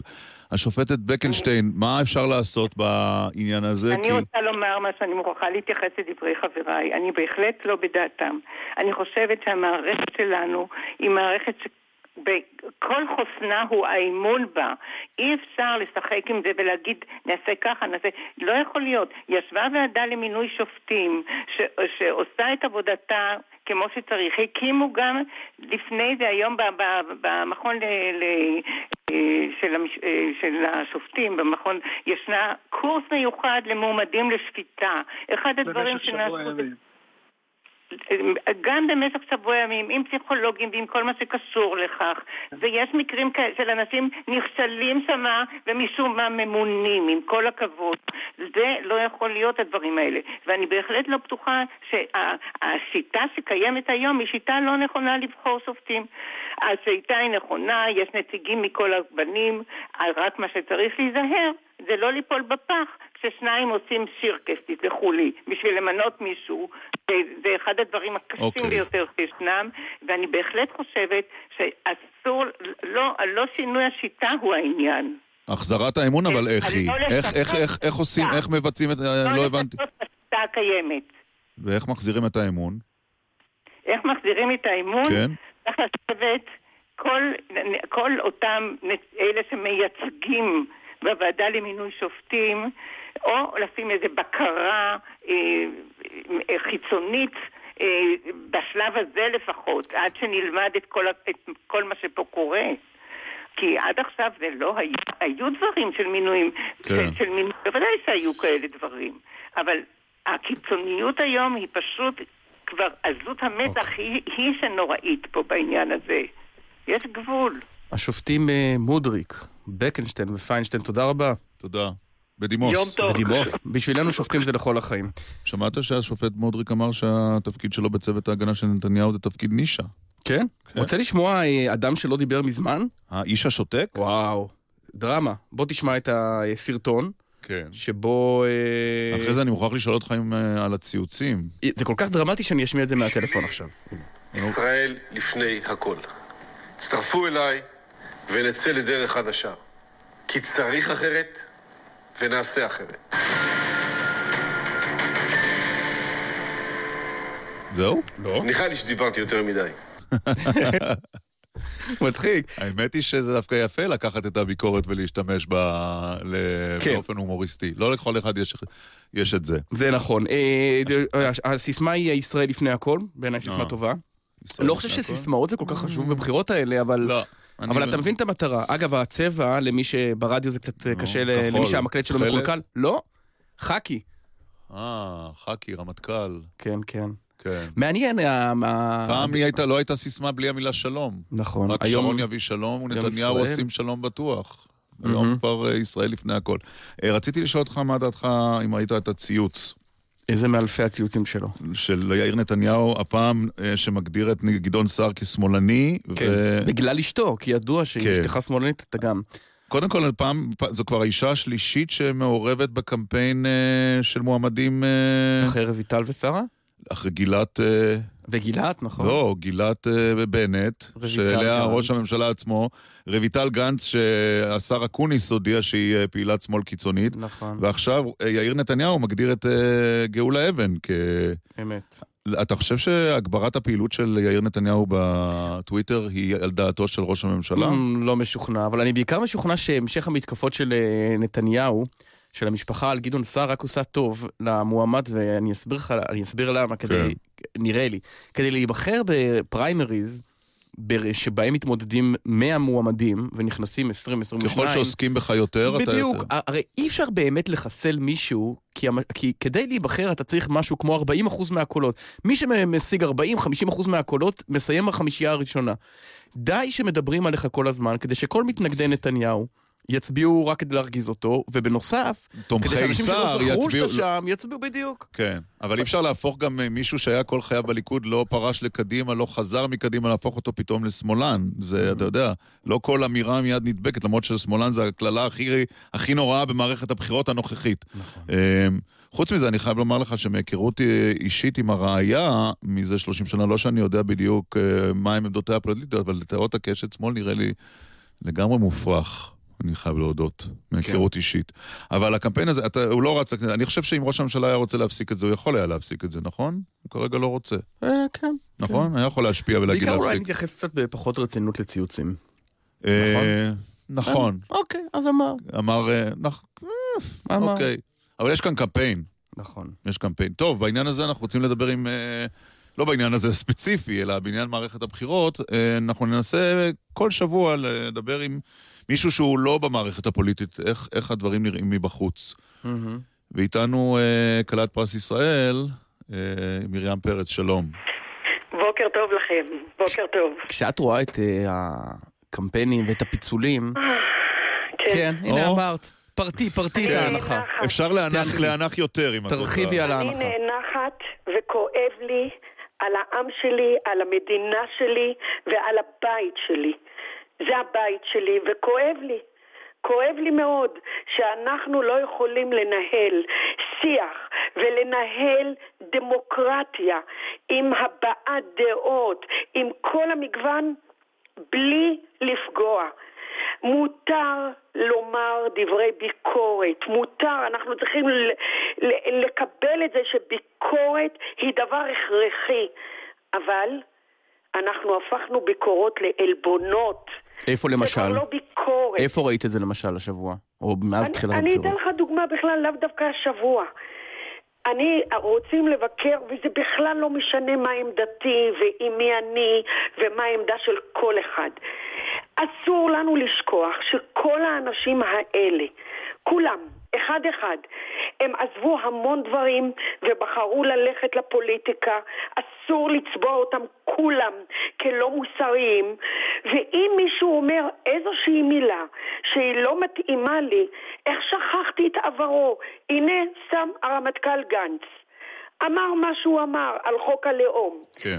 מה קרה לנו? שכחנו שהבן אדם הזה הקריב את חייו למעננו? איך שכחנו?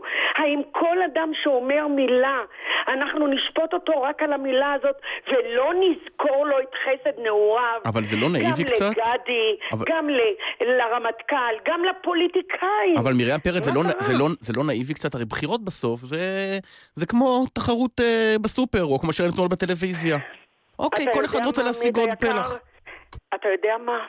אין, אין רע בנאיביות. ואין רע בתמימות.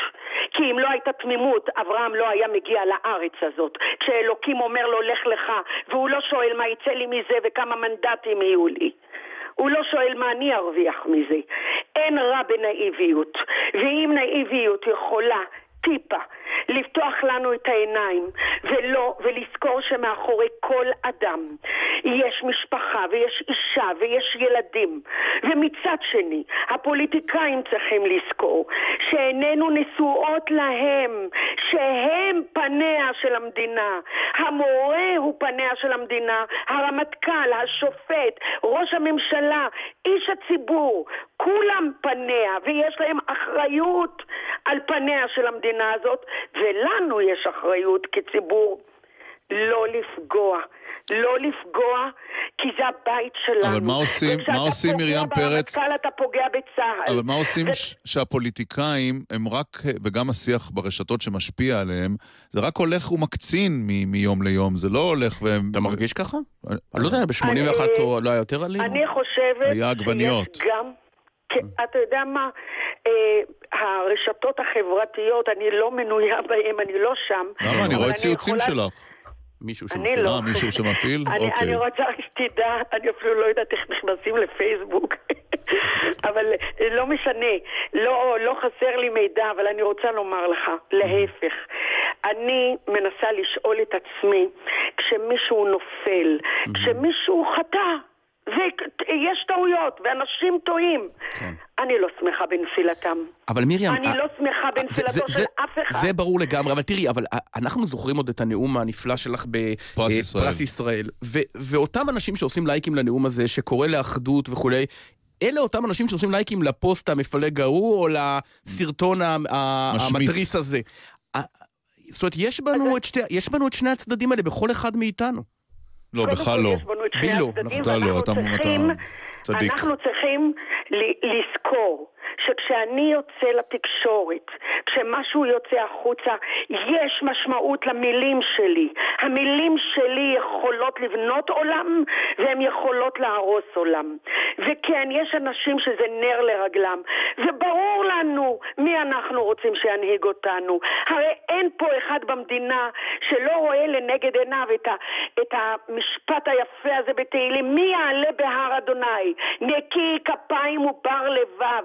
אנחנו כן רוצים שההנהגה שלנו, שכל המובילים, שהפוליטיקאים, יהיו אנשים שגם ישלטו בפה שלהם, שגם יחזקו אותנו. ואני רוצה לומר לך, אני נאנחת כי כל יום אני שומעת רק בגנותה של המדינה הזאת. ואני רוצה שתבינו, כשילד שלי בבית, בבית הפרטי שלי, כשמישהו פוגע בילד, הוא פוגע בכל הבית. הוא פוגע ברוח של הבית. ואנחנו צריכים להרגיש, משהו קרה לנו, שאנחנו אולי לא חשים יותר מדי מחויבות ולכן מרים פרץ. ולכן מרים פרץ סירבת לכל ההצעות שהגיעו אלייך להתמודד בבחירות חבל? חבל קצת בעיניי. אני חושבת שכל אדם צריך אה, לדעת מהי הפלטפורמה שבה הוא יכול לגעת ולהשפיע. אני חייבת לומר לכם, אני לא אדם שבנויה לפוליטיקה. אני לא, לא. אבל המגע הזה, המפגש עם אנשים, עם חיילים, השבוע שאל אותי קצין בצה"ל, אני עומד לסיים את השירות, אני מתלבט אם ללכת לפוליטיקה, זה רע, זה נורא, זה מושחת. ואני אומרת, איפה טעינו בחינוך? מה למה היה אצלו? פוליטיקה זה משהו מושחת? למה הגענו למצב, מה, אני לא רוצה שתהיה פה הנהגה צעירה של נוער? למה צריך להראות שהכל מושחת? אנחנו צריכים כל אחד. לא להתעלם מהמציאות, וכל אחד שישאל את. את עצמו, איפה הייתי אני? מה עשיתי אני כמחנכת כשעמדתי וראיתי שני ילדים רבים והתעלמתי? כשהתעלמתי באותו יום, אז אני, ההתעלמות הזאת גרמה לכך שהם יגדלו והם יפגעו אחד בשני. אבל, אבל, אבל אה, מרים פרץ, אז אולי, הרי אה, אין יו"ר מפלגה בישראל שלא עונה לשיחות טלפון ממך. אולי אה, תארגני פסגה אצלך בבית, אני לא צוחק. גנץ, לפיד, נתניהו, בנט. זה רעיון נהדר, אני מוכנה להכין להם קוסקוס וקציצות מרוקאיות טובות, ואתה יודע, כשאנשים יושבים ביחד מסביב לשולחן, אתה בור ששתית ממנו, אתה לא יורק בו, אתה לא זורק. כן, צריכים את הישיבה הזאת, אתה צודק, צריכים את המבט, צריכים עיניים שיראו עיניים, וכאב שיפגוש כאב, וצריכים עוד לדעת דבר אחד, כן. שלכולנו יש מחנה משותף. אין פה מישהו שאוהב יותר ופחות. כולנו רוצים בשגשוגה של המדינה הזאת. כולנו כן. רוצים, מה שהתפללתי השבוע לרמטכ"ל החדש, שלא ייכנס לבית בארץ הזאת ב- ויודיע על נפילת הבן והבת. כולנו רוצים את השלום. אין פה אחד שרוצה יותר. והמילה הזאת, שמאל וימין, שהפכו להיות לגנאי. לא, בעיקר מה? ימי, בעיקר שמאל, סליחה. אה, נכון, נכון, וגם זה שאין לנו מחילה אחד לשני. מחילה, וקצת רגישות אנושית, וטעיתי. אז אני מבקשת, אפילו אלוקים סולח. מה קרה לנו? נעשינו חורצי דין, ושכחנו שבארץ הזאת יש בית משפט, יש צדק, יש לנו מערכת איזונים ובלמים כן. שיכולה, וזה תפקידה. ואם מישהו טעה, ואם מישהו חטא, ואם מישהו מעל בתפקידו, שבית המשפט יאמר, ואני לא שמחה בנפילתו. אני רק שואלת, איפה הייתי ומה עשיתי כדי שדבר כזה אה, יימנע. וכן, אני מזמינה את כל הפוליטיקאים, אין, בעיניי כולם, זה העם שלי. נשמח להעביר את זה בשידור לא, חי, מרים. כן, אם זה יקרה. מרים פרץ, אה, כלת פרס ישראל אשת חינוך, תודה רבה תודה רבה ששוחחת איתנו. תודה, תודה, ורק מילה אחת, כן. שנראה במעלתם של חברינו. בעשרה באפריל. ואילך. בהחלט. תודה. תודה. תודה. נלך לתשדירים וחסויות, ואחר כן. כך נדבר על המאורע ההיסטורי שהתרחש. המאורע, ערוץ יותר- 12 יותר ו- ממינוי הרמטכ"ל, לא? אה, זה- זה יותר מפרל הרבור. מיד. תשדירים ומיד חוזרים. אתם מאזינים לגלי צה"ל. עמיתי מועדון חבר, יונדאי מזמינה אתכם לפתוח את 2019 עם הדגמים החדשים, טוסון, סנטה פה, i20 ועוד מגוון דגמי יונדאי בתנאים ייחודיים לעמיתי מועדון חבר עד 15 בפברואר. לפרטים יונדאי כוכבית 5606 או באתר מועדון חבר. זה אלון, מחכים לך לנטיעות. קרן קיימת לישראל מזמינה את אלון, ארז, יערה, ורד, לילך וגם את נועה ויואב לחגוג ט"ו בשבט במגוון פעילויות. נטיעות לקהל הרחב, לארגונים ולמשפחות, חלוקת שתילים למוסדות חינוך, סיורים במשתלות ברחבי הארץ, טיולים בשישי ועוד. פרטים באתר קק"ל www.kkl.org.il אתם מוזמנים לחגוג איתנו.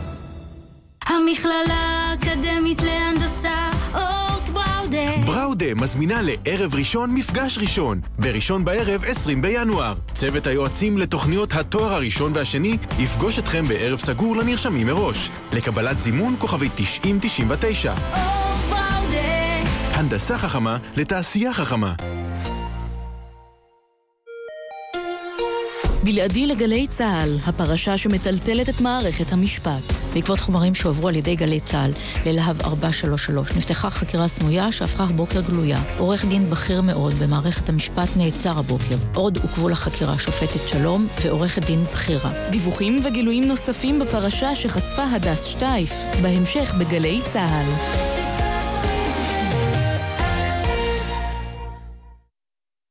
עכשיו בגלי צה"ל, ירון דקל ועמית סגל. איתנו עכשיו שניים, רפי גינת, בוקר טוב לך. בוקר טוב לכם. לשעבר מנכ"ל ערוץ 10. ומגיש, קול בודק, קול בודק. גדי סוכניק, לשעבר מגיש המהדורה המרכזית. בחדשות גם שתיים, חדשות לדעתי, 2 רק. וחדשות לא? 10. לא חושב. מה לא? רק חדשות שתיים. אה, בחדשות לא, 2.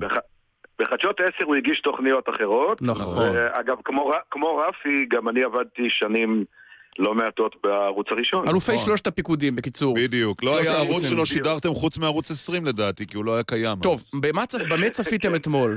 רפי גינת, באמת צפית. כן, בטח. במה? באיזה ערוץ? שמעתי זה האינטר. אני צפיתי בערוץ החדש, כדי לראות את הדברים שהם, אה, שהם עשו חדש. ותשמע, לדעתי כששני ערוצים מתאחדים, זה מפץ ענק, שצריך להצדיק את עצמו מהרגע הראשון, גם עם, אה, עם מפץ בתוכניות. ועוד מהדורת חדשות בחמש, ואמנון לוי, זה לא מפץ. בפרט כשאתה עומד מול הגוף הכי חזק בטלוויזיה, קשת, שברור שהוא ישיב מלחמה, וקשת באמת עשתה את זה, היא השיבה מלחמה, ומחמש, זאת אומרת, אם, שזה התחיל עם רפי רשף, עד סוף הלילה, בכל התוכניות, קשת הביא הרייטינג אה, יותר גבוה. זאת אומרת, ארץ נהדרת הביא 25% מול האח הגדול שהביא 17 וחצי, החדשות של 12 הביאו 22.4 מול 14.9, אבל אני צפיתי את זה, אני גם אפילו כתבתי את זה לגולן יוכפל שזה מה שיהיה. אי אפשר לשכוח שזה גם לא הוגן לגמרי לבדוק אחרי הלילה הראשון, בגלל מה- שהיו במשא ומתן בין... ולא היה להם זמן, והרגולציה, ולא יכלו להתכונן. זאת אומרת, צריך עוד לחכות אה, לפני ששופטים סופית. גדי, מה- במה צפית? לא, לא צפיתי. באמת? כן, לא צפיתי, פשוט הייתה לי עבודה והייתי עסוק ולא, ולא ראיתי את השידורים. אה, ראיתי בלילה מאוחר בהקלטה את אה, ארץ נהדרת, כי האח הגדול פשוט זאת לא תוכנית שמעניינת אותי. אוקיי. וזהו. תראה, אבל... אין לי דעה, ואני אני רק חושב, יש לי תחושה מלוח השידורים כן. החדש, יש שם קצת יותר מדי אקטואליה רודפת אחד אחרי השני. איפה, בשני, גם בשני ב-12 הערוצים. וגם ב-13? כן, אני חושב שמהר מאוד יצטרכו לעשות שינויים, כי... לטובת מה, בידור? יותר מדי, אנשים לא מטומטמים, לא יכולים לראות אותו דבר כל, כל, כל שעה, אותו דבר, אותו דבר, אותו דבר. אוקיי, עכשיו, א- א- אבל השאלה, וכאן היא מופנית לשניכם, הרי מה שאנחנו רואים כאן זה שבסופו של דבר לוחות השידורים אינם מאוד שונים. זאת אומרת, יש ריאליטי בפריים טיים, יש באמת חדשות כמו שתיארת. אולי אחר במדינה... הצהריים הרבה חדשות. נכון, אולי במדינה כל כך... ותוכנית בוקר, ובלילה איזה משדר לילה עם חדשות light. אולי במדינה, במדינה כל כך קטנה, אין שום יכולת לחרוג במילימטר מהטעם הרחב יותר של הקהל, כי פשוט אין לזה התכנות כלכלית. רפי. יש משהו במה שאתה אומר, אבל הטעם של הקהל זה דבר שצריך לחשוב בדיוק מהו. כי אני רואה שהטעם של הקהל אה, נותן לארץ נהדרת פור ענק על הריאליטי האח הגדול. זאת אומרת... אה, הר הגדול לא VIP עוד. נכון, כן, אני, אני לא בטוח שמגדירים נכון את אה, טעם הקהל.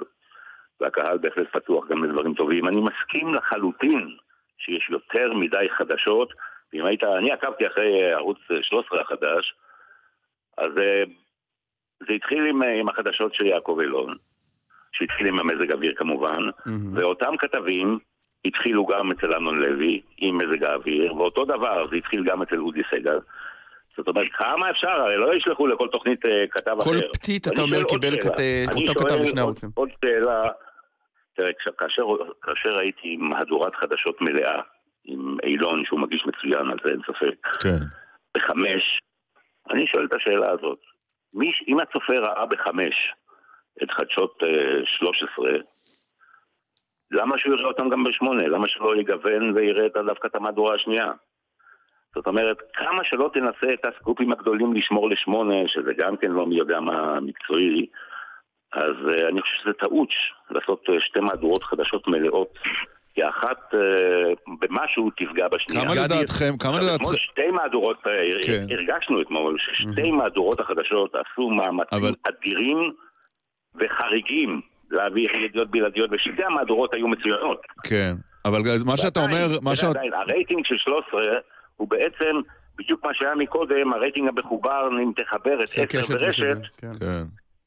אז זה מה ש... אבל מה, ש... מה. שאתה אומר, רפי, מעלה בי את השאלה, עד כמה הצופים אה, נאמנים לתופעת הזיפזופ בין הערוצים, או שבסופו של דבר יתקבעו איש, איש ואיש, איש ואישה על הערוץ שחביב עליהם, ו... ודי להם בכך. מה אתה חושב, גדי? אני חושב שבעיקרון יש מותג שאתה, שאתה רגיל לפתוח, בוודאי שיש הרגלי צפייה, אבל אפשר לשנות אותן, אותם, ואנחנו יודעים את זה מן העבר, יש לנו כבר מספיק ניסיון עשרות שנים של טלוויזיה מסחרית, אתה יודע שכשיש משהו טוב, אנשים יודעים גם לשנות את טעמם. אני מוטרד באופן כללי מזה שהאוכלוסייה בישראל הולכת וגדלה, אגב, בקצב מסחרר יחסית לעולם, ומספר הערוצים, הברודקאסט, הערוצים הארציים, הרחבים, אה, הולך ומצטמצם, והם גם מפסידים. זאת אומרת, משהו כאן לאורך השנים בחשיבה, בניהול, בניהול התחרות, היה, היה- התנהל בצורה מטומטמת. ואין לי ספק שגם קשת ורשת יצטרכו להתאים את עצמם, כי הם ימשיכו עוד פעם להתחרות עם אותם דברים. טונות של חדשות אינסופיות, וריאליטי וכל זה, זה לא יעבוד, גדי, הם ימשיכו מסתכל- להפסיד ויצטרכו להתאים. אבל אתה מסתכל על אה, כל החגיגה, אה, חגיגת הקדימונים שליוותה את השבוע האחרון, לא יודע, הרושם שנוצר, אותי הרבה אנשים תפסו ברחוב, אמרו, רגע, 12, 13, איפה אתה? למה? לא- היה לך קדימון מאוד חמור. לא, תודה. עוד לא התאוששו מהמעבר מערוץ 2 לפיצול כן. הזה. יכול להיות שכל האירוע הזה עובר לאנשים ככה בטיסת יף נמוכה מעל הראש? לאנשים אין מושג, אתה צודק במאה אחוז. כל הזמן מדברים איתי, הם לא יודעים אה, מי משדר, איפה משדר, איפה אתה- משדר, הם שואלים, אה, באיזה ערוץ, אין להם מושג מה קורה. וכתוצאה מזה שהתכנים גם כל כך דומים, אז גם אין להם מושג באיזה, באיזה ערוץ הם ראו את זה. תשאל אנשים, רובם לא יודעים באיזה ערוץ הם ראו. לכן אה, זה חייב, חייבת להיווצר איזושהי הבדלה. הניהול יצטרך להיות הרבה יותר מוצלח מאשר הניהול של השנים האחרונות, וזה יצטרך להיות הרבה יותר רזה. אגב, ערוץ 10 הוכיח שכשהסכין מונחת על הצוואר, אז אפשר לעשות דברים לא רעים בהרבה פחות כסף. מי שיאכל אותה זה אה, כל אנשי התעשייה, כלומר שניכם. אה, תודה. אה, רפי גינה, אתה חושב... מה לעשות? אגב, צריך כאן לומר למען הגילוי הנאות שעמית ב-12 ואני ב-13, אנחנו לא ציינו אה, את זה, נכון. נכון? כדאי. טוב, התקזזנו, 12. התקזזנו. רפי גינה, אתה חושב שהערוצים שאינם 12 ו-13 יצאו נשכרים אולי מה- מה- מהתופעות ששניכם תיארתם כרגע? התאגיד, ערוץ 20, זאת אומרת- 20 למשל, שעושה את צעדיו, או תאגיד השידור? תראה, אה, לפחות לפי אתמול, זה, זה נשאר בערך אותו מצב. זאת אומרת, שתי, שתי המסחרות העיקריות הן שתי התחנות המסחריות. אני, 20, אני לא רואה שעם תקציב של 10 מיליון שקל אה, בשנה לתוכניות אפשר לעשות בכלל משהו. זאת אומרת, זה, זה, זה לא ממש ברודקאסט. וה- והתאגיד יכול לתת תחרות. קצת מאכזב לראות את הנתון של החדשות בתאגיד, שזה עדיין נשאר... כן, אבל אתה יודע, ה- אתמול באמת ה- היה ערב שקבוצים המסחריים הגדולים לראות מה התחדש. לאורך זמן אה, התאגיד אה, לאורך לאורך זמן השתפר, צריך להגיד. אבל אבל אני רוצה... ש- בניהול נכון, בניהול נכון גם התאגיד יכול לעשות אה, יותר, יש שם תוכניות לא רעות בכלל, ואפילו מצוינות שראיתי בזמן האחרון, ובניהול נכון הוא יוכל... אבל שלב, אה, שלב השאלה הזה. היה לשניכם. גדי, מאז שאתה עזבת עברו נדמה לי עוד מעט 12 שנה את המהדורה המרכזית. רפי, אתה היית, המרכזית. אתה היית מנכ"ל לפני כמה וכמה שנים. לו נסענו מהזמן אחורה אל המהדורה של אתמול בערב או של הערב, מה השינוי הכי משמעותי? זה יכול להיות טכני, תוכני, מה שום שאתם רוצים. שינוי. שום שינוי? אתה מדבר על החדשות? חדשות, על חדשות. החדשות? שום שינוי. גדי? אותן חדשות, אותן מגישות, אותם כתבים, אותה טכנולוגיה. השאלה, מה החומר שאתה משדר, מה קורה באותו יום בחדשות. גדי? האמת היא שאני די, די מסכים למה שרפי אומר בנושא הזה. ה- פשוט קליטת החומר היא יותר, הטכנולוגיה השתפרה מאוד, ומה שפעם היה מוקצה, כמו כל מיני תמונות של טלפונים באיכות לא מלאה, היום, אה, כבר שנים, לוקחים הכל, כל אינפורמציה זה בסדר גמור. אבל הבדל דרמטי, אני... אתה הלכת על ההשוואה לפני לא 30 רואה. שנה.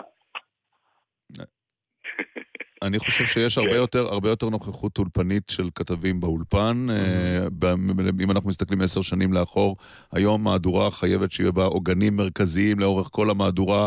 הרבה מאוד אה, אה, ראשים מדברים אני שמביאים חושב חומר. הפוך, אני חושב שלב העניין הוא שהכתבות באופן והכתבות אבסורדי הן נהיות יותר ארוכות. יותר- היותר לא, ארוכות? ארוכות. הכתבות המגזין, 12 דקות, 13 דקות כל ערב. וגם כתבות חדשות עם רקע מוסיקלי, שזה זה לפני נכון. עשר שנים או חמש עשרה שנה כן, לא היה. אגב, אף אחד לא אמר שזה טוב, יכול להיות נכון. שזה טרנדים שמשתנים, אני. לא בטוח שזה טוב. באופן בוא, כללי לא השתנה אני לא אגדיר השתנה לכם הרבה. את זה- אני אגדיר לכם את זה במילה אחת, בשינוי שאתם מדברים עליו. כן. אמריקניזציה. אוקיי. תראו כל הזמן את הכתבים, זה- בדיוק מה שקרה. טוב, רפי מעניין. גינת, גדי סוכניק. אה, היה מעניין לשוחח תודה איתכם. לשניכם. צפייה נעימה נאמר. כן. תודה רבה. תודה לכם. אני לא ראיתי אתמול לא את 12 ו-13, חבל, חבל. כי ראיתי את מתי כספי ושלום חנוך. אז לא רע. בחרנו שלום חנוך. אגב, הופעה נהדרת. נהדרת, שיר ממליץ לך. חדש, קליפ חדש לשלום כן. חנוך. זה יתפוס עוד. בטוח. יהיה להיט.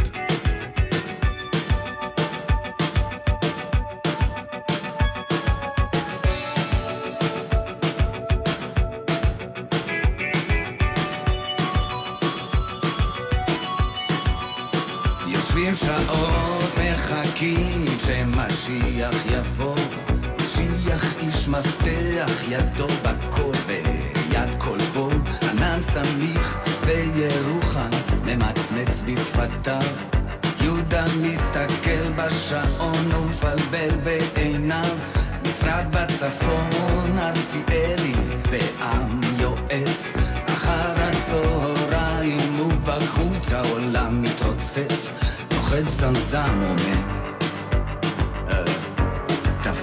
לנו קפה.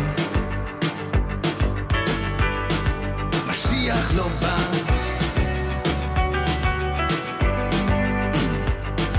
משיח גם לא מטלפן. שתיקה כללית, חמישה אנשים מתוחים. הדלת נפתחת וירדנה כולה חיוכים. השחור ליהודה, התה לארציאלי הבן. ירדנה יוצאת, עזרא לא מפסיק לעשן. הנה כי כן מתחלפת שעה בשעה. זקן ארציאלי יודע שהוא לא טעה, נוטף זיעה ומרעים בקולו על הבן. משיח לא בא. משיח גם לא מטלפן.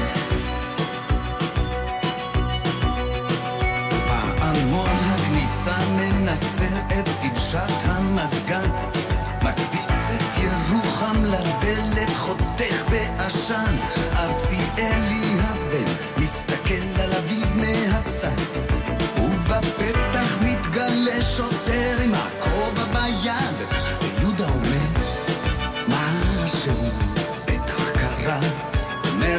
ירוחם סתם לא שולחים משטרה אומר השוטר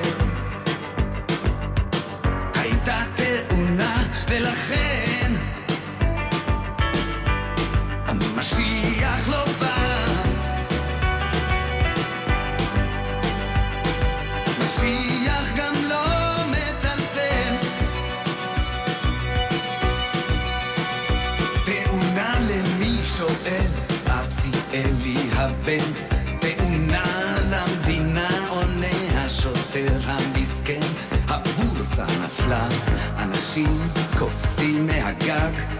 גם משיח קפץ והודיעו שהוא נהרג. הכל אבוד בוכה עזרא דהן הקבלן. משיח בשמיים ואנחנו בלי הכסף כאן. וירדנה היפה ממלמלת זה לא ייתכן. משיח לא יבוא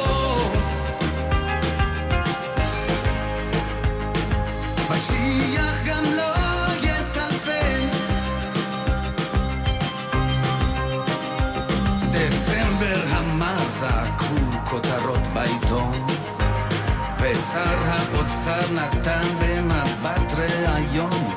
הציבור מטומטם ולכן הציבור משלם. מה שבא בקלות הקטן נאלץ לשלם בגדול. ואותי מעניינת ירדנה יותר מהכל. הולך למילואים. כן. וסופר את הכסף שאין. ומשיח לא בא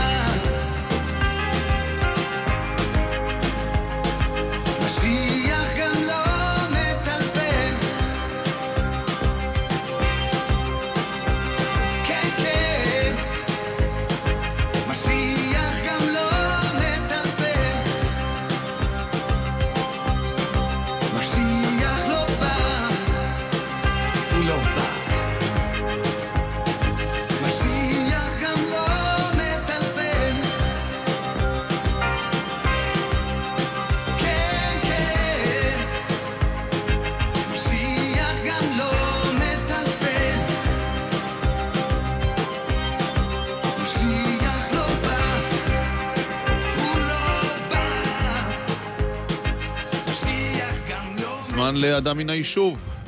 שלום לציפורה חלפון מבאר שבע. אהלן, בוקר אור. איפה אנחנו תופסים אותך? אה, כרגע בעבודה. עבודה או ההתנדבות? זה שני דברים שונים. נכון. אה, נכון, זה שני דברים שונים. יש את העבודה ויש את ההתנדבות, שזה מרכז אה, החיים שלי, אפשר אה, להגיד. וההתנדבות זה משהו, והעבודה זה משהו ב- זה כזה צדדי. אה, במקרה שלי, כן. מקווה כן. שהבוס לא שומע. ומה מה העבודה הצדדית? העבודה שלי, אני מנהלת מחוז דרום של אה, הגיור, מטעם אה, הזרוע הביצועי של משרד ראש הממשלה, מאזור ראשון עד אילת. ובהתנד- אבל את- הפעם זה בעצם מתנדב מהיישוב, ואת מתנדבת נכון. במה שאנחנו מכירים, מכירים כאגודה למען החייל, ובעצם הוא... יחד למען היום החייל יחד היום. כן. יחד למען החייל. נכון, אני גם יושבת ראש הסניף של המתנדבים של יחד למען החייל, אבל אני גם מתנדבת 24/7. כמה שנים? אה, 18, בין 17 ל-18 שנה. או-אה. אני יכולה להגיד שבשנים האחרונות אה, זה פשוט אה, תפס חלק מרכזי בחיים שלי. שמה זה אומר? את, את מאלה שעומדות שם בדוכנים ומחלקות טוסטים וקפה? לא רק, לא רק. זה, זה בעיקר, יש לנו את הפעילויות הקבועות, שזה ביום חמישי וביום שישי, שזה הפעילות שאתה מדבר עליה, של חלוקה של שוקו חם בחורף עם מאפה ומרק חם. ואתה מדבר על הפעילויות השוטפות שאנחנו עושים אותן שהן בקבוע, זה ביקור אה, חיילים מאושפזים שהם מדי, לצערי, כל יום מגיעים לבית החולים בין שלושה לארבעה חיילים, אז אנחנו... כל יום מגיעים לסורוקה שלושה עד ארבעה חיילים? בין השלושה לארבעה חיילים? כן, תמיד, תמיד, תמיד, תמיד יש מאושפזים. תמיד יש חיילים שמגיעים... חלקם אה, מאושפזים בגלל שפעת.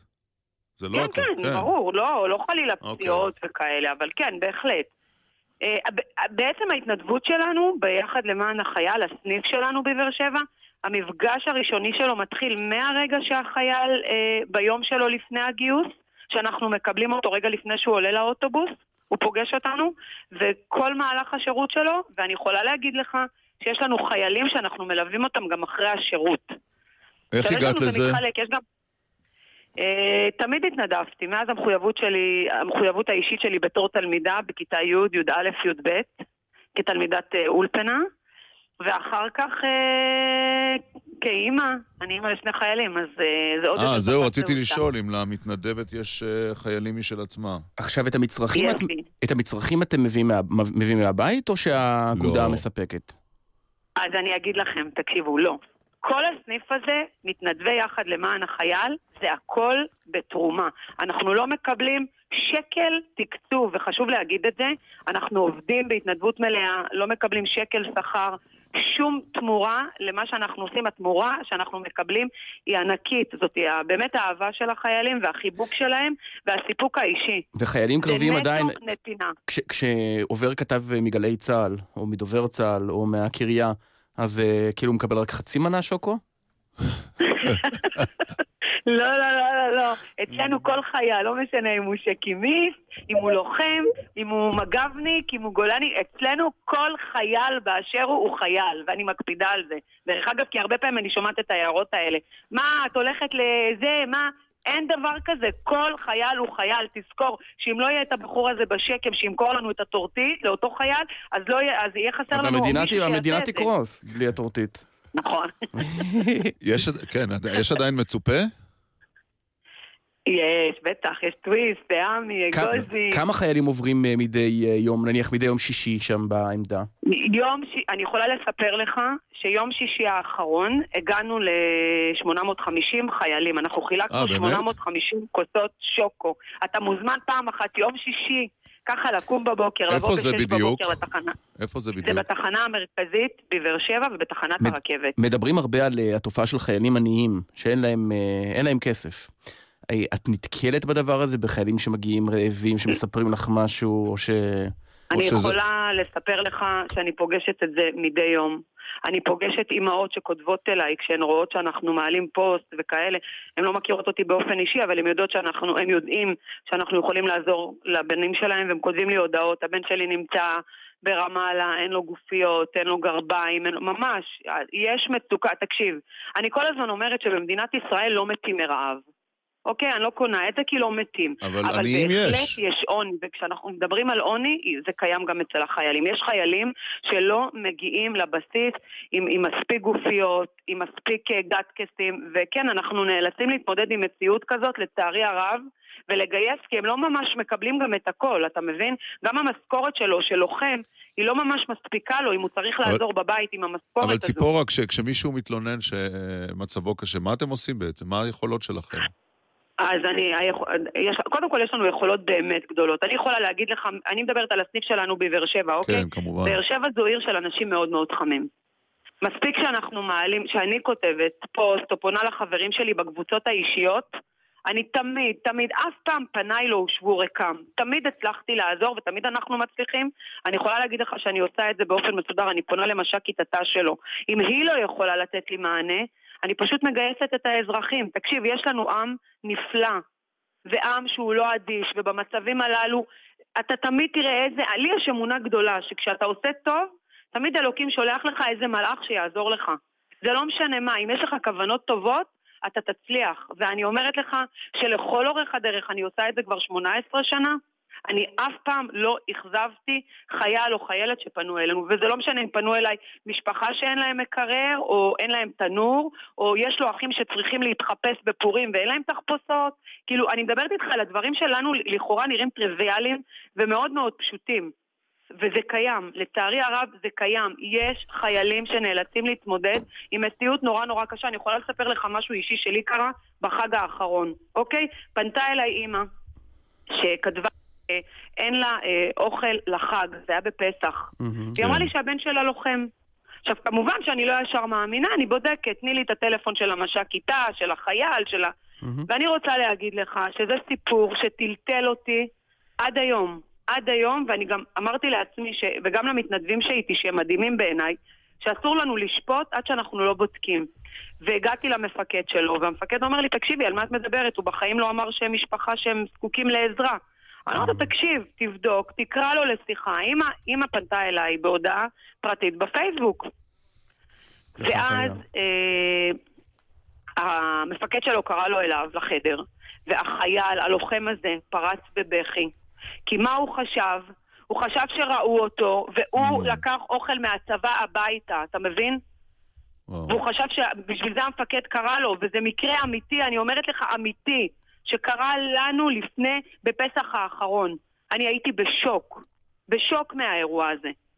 ואז זה גם נתן לי להבין שוואלה, יש גם חיילים, אתה יודע, שלא מסוגלים להגיד שאין להם, שהם, אתה יודע, הם שומעים את זה קורה לך. שאת גם עומדת או מנסה ליצור קשר עם מפקדים של חיילים שאיתם את באה ב... ב- ש- עם כולם. כן? אני יכולה להגיד לך שאני, גם אם הם לא אוהבים את זה, וגם אם זה מציק לפעמים, אני לא מוותרת. ברור. תקשיב, אם אתה יודע שיש חייל שהוא במצוקה, ובינינו, אתה יודע, המערכת היא כל כך גדולה. כן, נכון. ואני לא צריכה להגיד לך את זה, ואתה יודע את זה יותר טוב ממני, אבל יש לו גם, אתה יודעת, יש לו מש"ק כיתה וקצינת ת"ש, יש לו גם ביחידה למי לפנות. לפעמים הוא מתבייש, אבל הוא לא פונה. הוא לא, נכון, נכון, ולכן ההורים לפעמים נאלצים לפנות אלינו, או שהוא פונה אליי בפרטי. כן. אני יכולה להגיד לך שאנחנו בתחנה המרכזית, בכל יום שישי, כל הזמן אין פעילות שלא יוצא שחייל משאיר לי טלפון, או פונה אליי בפרטי ולוקח אותי לצד, ואומר לי, אני צריך עזרה בזה, לסיום. ואני צריך עזרה בזה. לסיום, הבנים החיילים לא אומרים, אה, אמא, לחיילים בתחנה המרכזית את קצת יש לך יותר זמן מלנו? הם, האמת היא שכאשר הם מגיעים מהבסיס והשניצלים לא מוכנים, אז אה, שוהם תמיד אומר לי, אודור, אמא, אני חייל בודד, את יודעת. יפה. ציפורה חלפון, יחד למען החייל סניף באר שבע, תודה רבה לך. ואני גם רוצה להגיד תודה ענקית למתנדבים שלי, לכל. התורמים, לעיריית באר שבע ולכל מי שעוזר לנו.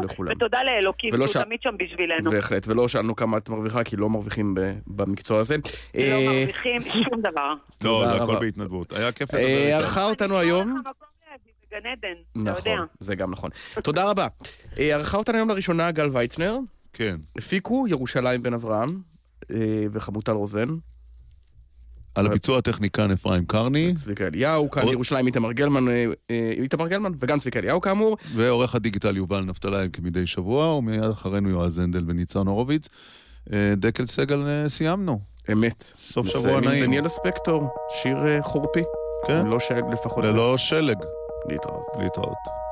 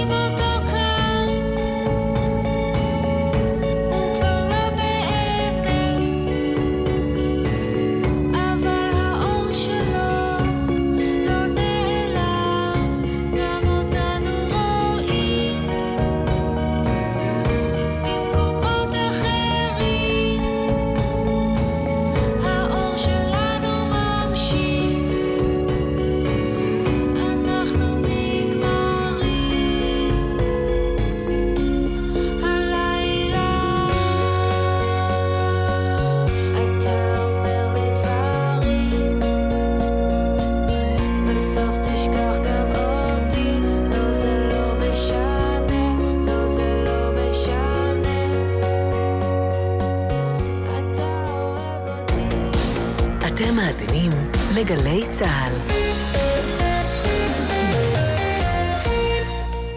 עכשיו בווינר, שמינית גמר גביע המדינה בכדורגל. הפועל תל אביב נגד הפועל חדרה. וביורוליג, מכבי תל אביב נגד ברצלונה. ייכנס לתחנה, לאתר או לנייד, ותוכל להרוויח. אם לא תשלח... איך תיקח? שיכון ובינוי במבצע דיור לעמיתי מועדון חבר בחלומות אור ים, הסמוכה לקיסריה. מגוון דירות על הפארק, כוכבי 9459 או באתר מועדון חבר. זה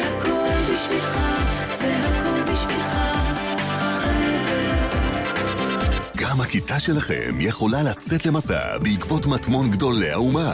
כיתות ז' ט' מוזמנות להצטרף לחידון מרשתת מעדן חמיצר, להכיר את פועלם ואת מורשתם של נשיאי ישראל וראשי ממשלותיה, ואולי לזכות בפרס הגדול. לפרטים חפשו בגוגל מטמון גדולי האומה 2019.